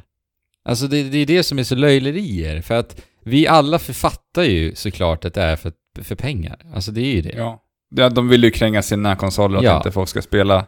Det, det är liksom så, Ja, men- så glasklart och det, jag förstår inte hur de ska hålla på och slingra sig omkring och komma med sådana här uttalanden och, och det var väl någonting annat eh, sist vi pratade om det här att alltså att de vill ha en eh, överskådlig liksom eh, Ja. Kontroll. Eh, kontroll, tack. Det var det Ja. ordet jag sökte. Över sina an, sin användarbas.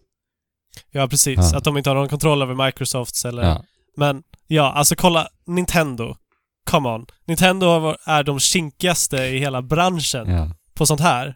Mm. Och de kan öppna de här portarna, men inte Sony. Ja. ja, men det är så här, vem är de att bestämma för oss var bästa platsen att spela på är? Alltså det är så här, Nej. Alltså, Vad jag har tänkt lite kring den här just plat- cross-platform-frågan på senare tid. Alltså vi, vi vet ju att det, det börjar liksom ryktas lite om nästa generations konsoler. Mm. Lite Ja. smått redan nu. Mm. Alltså jag, jag tror att nästa generations konsoler kommer ha det här som en liksom huvudfokus. Att det ska kunna sälja in att cross-platform på, på de här Men konsolerna. det hoppas jag. Alltså, För Ja. de enda som inte det- har det nu är ju Sony, så... Ja, och så att, men att kunna använda det, va? men det spelar ingen roll vart du spelar det. Alla så här tredjepartsspel ska du kunna spela cross-platform. Ja. Oavsett plattform. Ja, men alltså... Jag menar, Om- Sony om någon borde ju vara för cross-platform. Jag menar, de har en konsol som redan säljer. De har ju konsolen med flest exklusiva titlar. Mm. Det är Ja. inte så att de kommer sälja mindre av att ha cross-platform. Nej, nej, det... Troligen, troligen mer. För alltså tänk scenariot att vi har tre kompisar. Eh, Mm. Den ena har ett Xbox, den andra har PC. Den, Mm. den tredje personen ska köpa en konsol för att den ska inte köpa en dator. Vad köper den då när kompisarna spelar Fortnite och han vet, eller hon vet, att det inte går att spela på Playstation 4? Mm. Ja, inte en Playstation 4. Nej, precis. Nej. Come on. Då blir det ju en Xbox istället och då Ja. har de sålt en... Ja, och... eh, dumheter. Todd Howard från Bethesda Game Studios har ju också sagt att eh, de har ju haft problem med kommunikationen när- vad gäller eh, Fallout 76 med Sony. Eh, Och Pete Hines, alltså vdn för Bethesda, har... Han, han har inte sagt direkt att det är Sony, men han har sagt att de tolererar helt enkelt inte att det inte finns crossplay, eller cross-save var det just, eh, när det kommer till deras kortspel eh, vad heter det nu? Elder Scrolls Legends va? Mm. Just det. Eh, så att det är så här, då ställer man sig bara, kommer de inte ens släppa spelet till Playstation 4 eller hur kommer det bli? Så att det finns ju utgivare där ute som verkligen inte är överens med Sonys... Nej, och, och det kan ju vara de också, alltså utvecklarna nu som kommer pusha fram det här som nu eventuellt kommer att kunna pusha företagen att satsa på cross-platform i framtiden ännu mer. Ja. För att de har ju sett hur mycket det, det gynnar företagen, Mm. utvecklarna. Men, ja, men precis. Och Sony, om Sony inte rättas efter tiderna så kommer de eh, potentiellt inte vara konkur konkurrenskraftiga nästa generation. Liksom. Ja. Läste ni förresten det här med, just nu när vi ändå är inne på Fortnite? När de skulle lansera Fortnite till mobiltelefoner på Android. Jaha. Så valde de berätta. då, alltså Epic valde att inte lansera det via Google Play Store. För att skulle de Okej. lansera via Google Play Store så skulle Google då ta en viss avgift för köpen som sker inne i Fortnite. Okej. Så Aha. att istället så la de ut en egen sån APK-fil för att installera spelet. Och i Aha. den här fanns det ett maskhål som man kunde då ta sig in i folks telefoner. Nej. Oj. Så det vart en jättemiss, de fick ta tillbaka, ta, dra ner den här filen och nu vet jag inte hur, riktigt hur, man, hur det här Oj. hur de har löst det här. för det har varit en jätte, jättemiss. Bara för att de Ja. skulle få in alla pengarna själva. Äh, Ja, nej. alltså det, det är ju troligen sånt som går, eller som är risken när du öppnar för cross-platform och därför kanske Sony talar lite sanning när de eh, snackar om att de vill ha koll på sin, sin användarbas. För att vi kommer ju alla ihåg Sony-härvan när massa kreditkort blev hackade och så. Och det vill de inte ska Nej, återupprepa nej sig sant. på Det- något sätt. Nej, för det var ju en, en riktig, riktig skandal kan man ju ändå säga. Ja, ja. det var ju- Men å andra sidan, det här är tech-giganter som ska kunna se till att sånt här inte uppstår. Ja, och jag Ja. menar Nintendo och Microsoft, de eh, lever ju loppan. Så. Ja, precis. Ja. Äh, Ska vi, ska vi röra oss eh, mot en liten tävling då? Ja, men det ty- tycker jag att vi kan göra. Så rullar vi vignett här.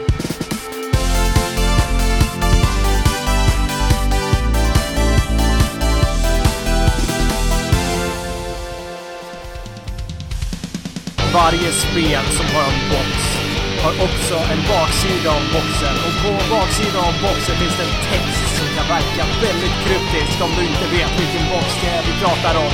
En sån text ska vi nu läsa för er. Baken på boxen. Okej, okej. Känner ni, äh, känner ni er taggade? Ja. Det här var ju inte igår. Nej, det blir nästan lite nostalgisk i kroppen va Fabian? Väldigt Jag hörde lite nostalgiskt. på rösten där. Jag kommer nästan tillbaka till min gamla lägenhet. Och 2015, eller 2016, när var det vi startade? 15. 16, Ja. 15, 16. Ja, höst, det tar det tillbaka till hösten 2015. Nej, det, det tar mig tillbaka till eh, tiden då eh, jag och Andrew faktiskt spelade in den här introlåten. Ja, det gjorde ett eh, enastående, ni gjorde ett enastående jobb med det. Tack, tack. Mm. Och lyssnarna kanske blir lite nostalgiska nu också ju. Ja, de, de som var med då i alla fall. De vi har ju säkert med- fått lite... Precis, de som var med. Vi har ju lite eh, nya lyssnare. Ja, vi har säkert nya lyssnare som tänker vad i helvete var det jag Ja. hörde just nu. Ja, men stäng inte av. Nej, nej. nej. Ge nej. det en chans. Ja, gör det. Baken på boxen är i alla fall en tävling som vi körde när vi drog igång med Trekraften för tre år sedan. Ja. Och det är en tävling där vi läser baken på boxen av ett spel. Och eh, det kan vi göra att vi läser den rakt av eller att vi översätter den. Idag har jag översatt en baken på boxen då. En bakom boxen. en baken på boxen.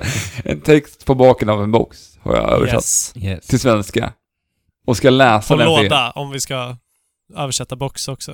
Vad Ja, sa du? men det gör vi ju inte. För att segmentet Nej. hette ju Vaken på boxen faktiskt. Ja, Ja. precis.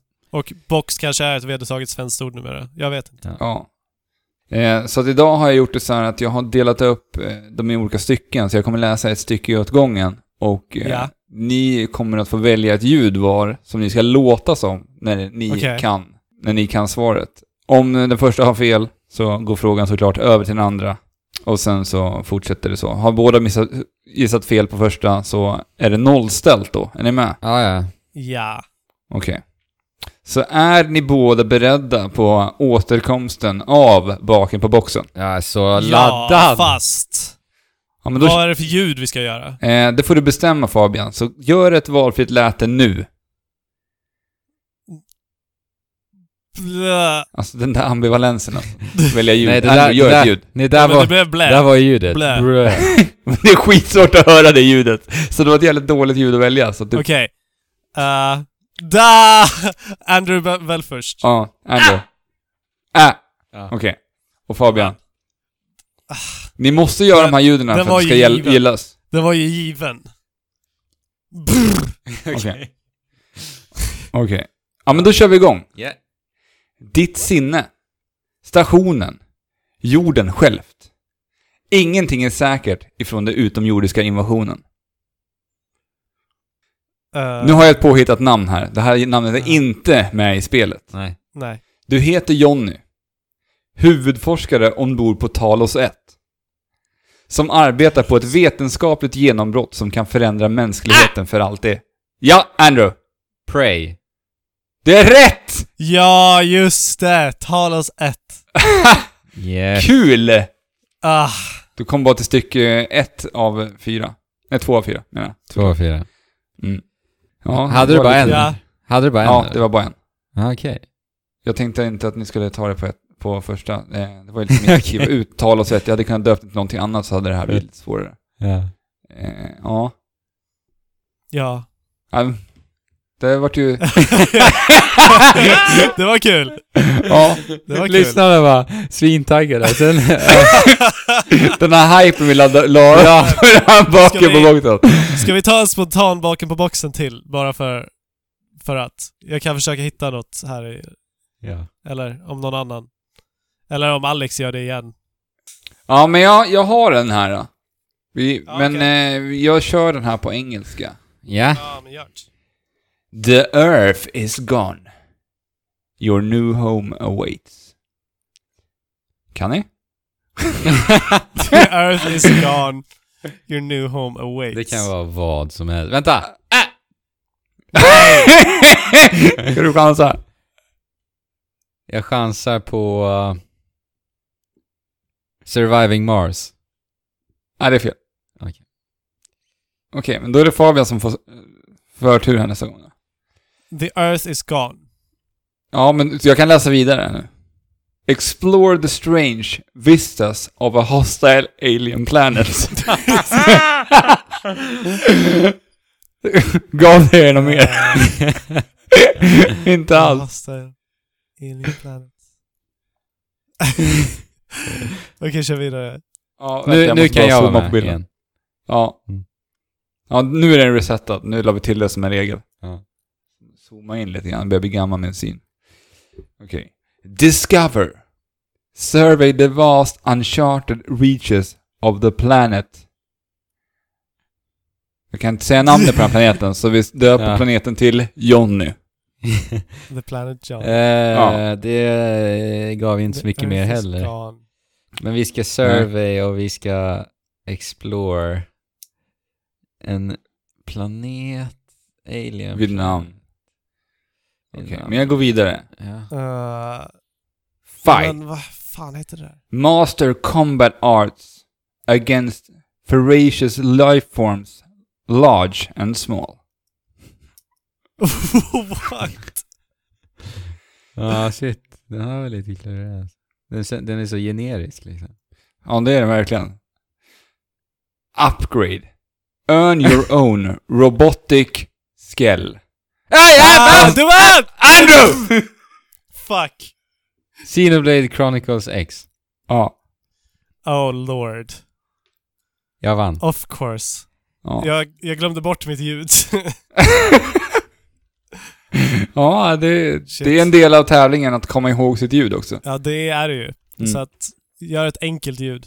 Ja, det är värt att tänka på nästa Det- gång baken på Det boxen vi tar med återkommer. oss. Yes. Ja. Ja men vad kul! Ja, men det Mm. var kul. Eh, till nästa vecka, eller inte nästa vecka, och tills eh, nästa gång vi är tillbaka så kommer jag ha spelat eh, mera Two Point Hospital som jag har påbörjat. Uh, spännande. Eh, Mm. Och, eventuellt jag med, men jag Du- kommer inte vara med nästa vecka. Nej, vart är du då Fabian? Berätta för lyssnarna. Ah, okej. jag är eh, i eh, öknen, i Saharaöknen. Ja, Spännande. vad gör du där då? Eh, vaddrar, dricker te, Te i öknen. kampar. frå Kallt te då? frågan är, ska du ta med dig switchen eller inte? Ah, det, det har jag faktiskt jag har försökt väga fram och tillbaka för att jag vill inte riskera att bli av med den. Nej, särskilt inte precis innan cloud saves kommer också. Precis. Och liksom vara i öknen, kanske bli full med sand, ja. kanske, kanske går vilse i en sandstorm. Men du har ju Jag möjligheten nu Fabian att testa på öken gaming. Det har jag. Vilket, vilket inte är att underskatta för att det känns som någonting riktigt jäkla coolt. Det är någonting du vill göra i livet. Det vill jag. Det blev ju ingen Kebnekaise Gaming Nej. Ja, just i år. det. Så att då eh, får jag väl kanske kompensera det med Öken Gaming. Okej, det blir en bild från uh, Saharaöknen. Du har bestämt dig, du tar med dig switchen? Jajamän. Ja, kul. Det var öken gaming som övertalade. Fast, ja. D- definitivt. Men problemet blir med, med switchens jäkla glansiga skärm. Det blir Ja, jäkligt ljust i öknen. men kan du Ja, inte då ta den på ha- kvällskvisten då kanske? Jo, det Ja. kanske man kan. Typ vid Med lite Eller, te. solnedgången. med ett paraply. Solnedgången med lite te Ja, och en switch. det ser vi fram emot alltså. Eh, jag vet inte vad jag ska spela till nästa gång faktiskt. Någonting ska du hitta ja, på. någonting hittar jag på. Jag, jag vet ju att eh, Shadow of the Tomb Raider släpps ju här. Kanske ska känna lite på det eventuellt då. Just det, det är dags för det redan. Ja. Tiden går så fort nu, tycker jag. Spelhösten är igång va? Ja, vi kan ju trycka lite på denna Destiny 2-tävling som vi kommer slänga upp på vår Instagram imorgon, fredag. Där vi kommer lotta ut eh, bland annat spelet, eh, det nya DLC till Destiny 2, Forsaken, vad heter det? Forsaken, Forsaken. Punkt. Forsaken, Ja. punkt. Forsaken punkt. Ja, eh, mer info kan ni hitta på vår Instagram och hur ni eh, deltar i tävlingen. Jajamän. Så, så följ oss på Instagram, där heter vi Trekraften podd. Japp, japp, japp. Eh, skicka gärna en iTunes-recension också. Vi har fått en ny faktiskt, den här, se- sedan sist vi spelade in. D- Jaså. dock så har personen inte skrivit något, utan bara gett oss fem stjärnor. Så de, den som har tryckt fem stjärnor på oss, tack så hjärtligt för det. Eh, men eh, jättegärna att ni skickar in iTunes-recension. Det är ett väldigt enkelt sätt för er att hjälpa oss ändå faktiskt. Så då blir vi superglada. Och annars eh, hittar ni oss på trekraften.net, klickar vidare till kontakt och där ser ni vart vi befinner oss på alla sociala medier. m3.se kan man hitta oss på numera också. Och sen såklart Discord-kanalen. Jag känner att Discord-kanalen brukar vi nämna rätt ofta i avsnitten. Vi har inte nämnt den en enda gång nu va? Jo, det har vi! Det var inget, men eh, kom gärna till Discord. Mm. Ni är så Det himla jag. välkomna dit. Ja, den, den växer ju ständigt hela tiden och det är ju underbart att se. Ja, det Det rasslar in nytt folk hela tiden. Och framförallt ni som spelar Monster Hunter Generations Ultimate nu. kul. Det tror jag att vi i och för sig kommer nämna. Ja, det kommer vi. Men det kan man inte säga för många gånger. Så vad säger ni gubbar? Känner vi oss klara? Ja, För det tycker jag. denna vecka, två veckor, Ja, kan man säga för denna veckan? vi, Ja, ja, det de kan här vi ju. veckorna. Men, ja, precis. Och. Fabian, spring nu inte vilse i öknen och Jag ska eh, igen. försöka. Jag ska försöka. Så med det sagt, spela på och chip! Shula.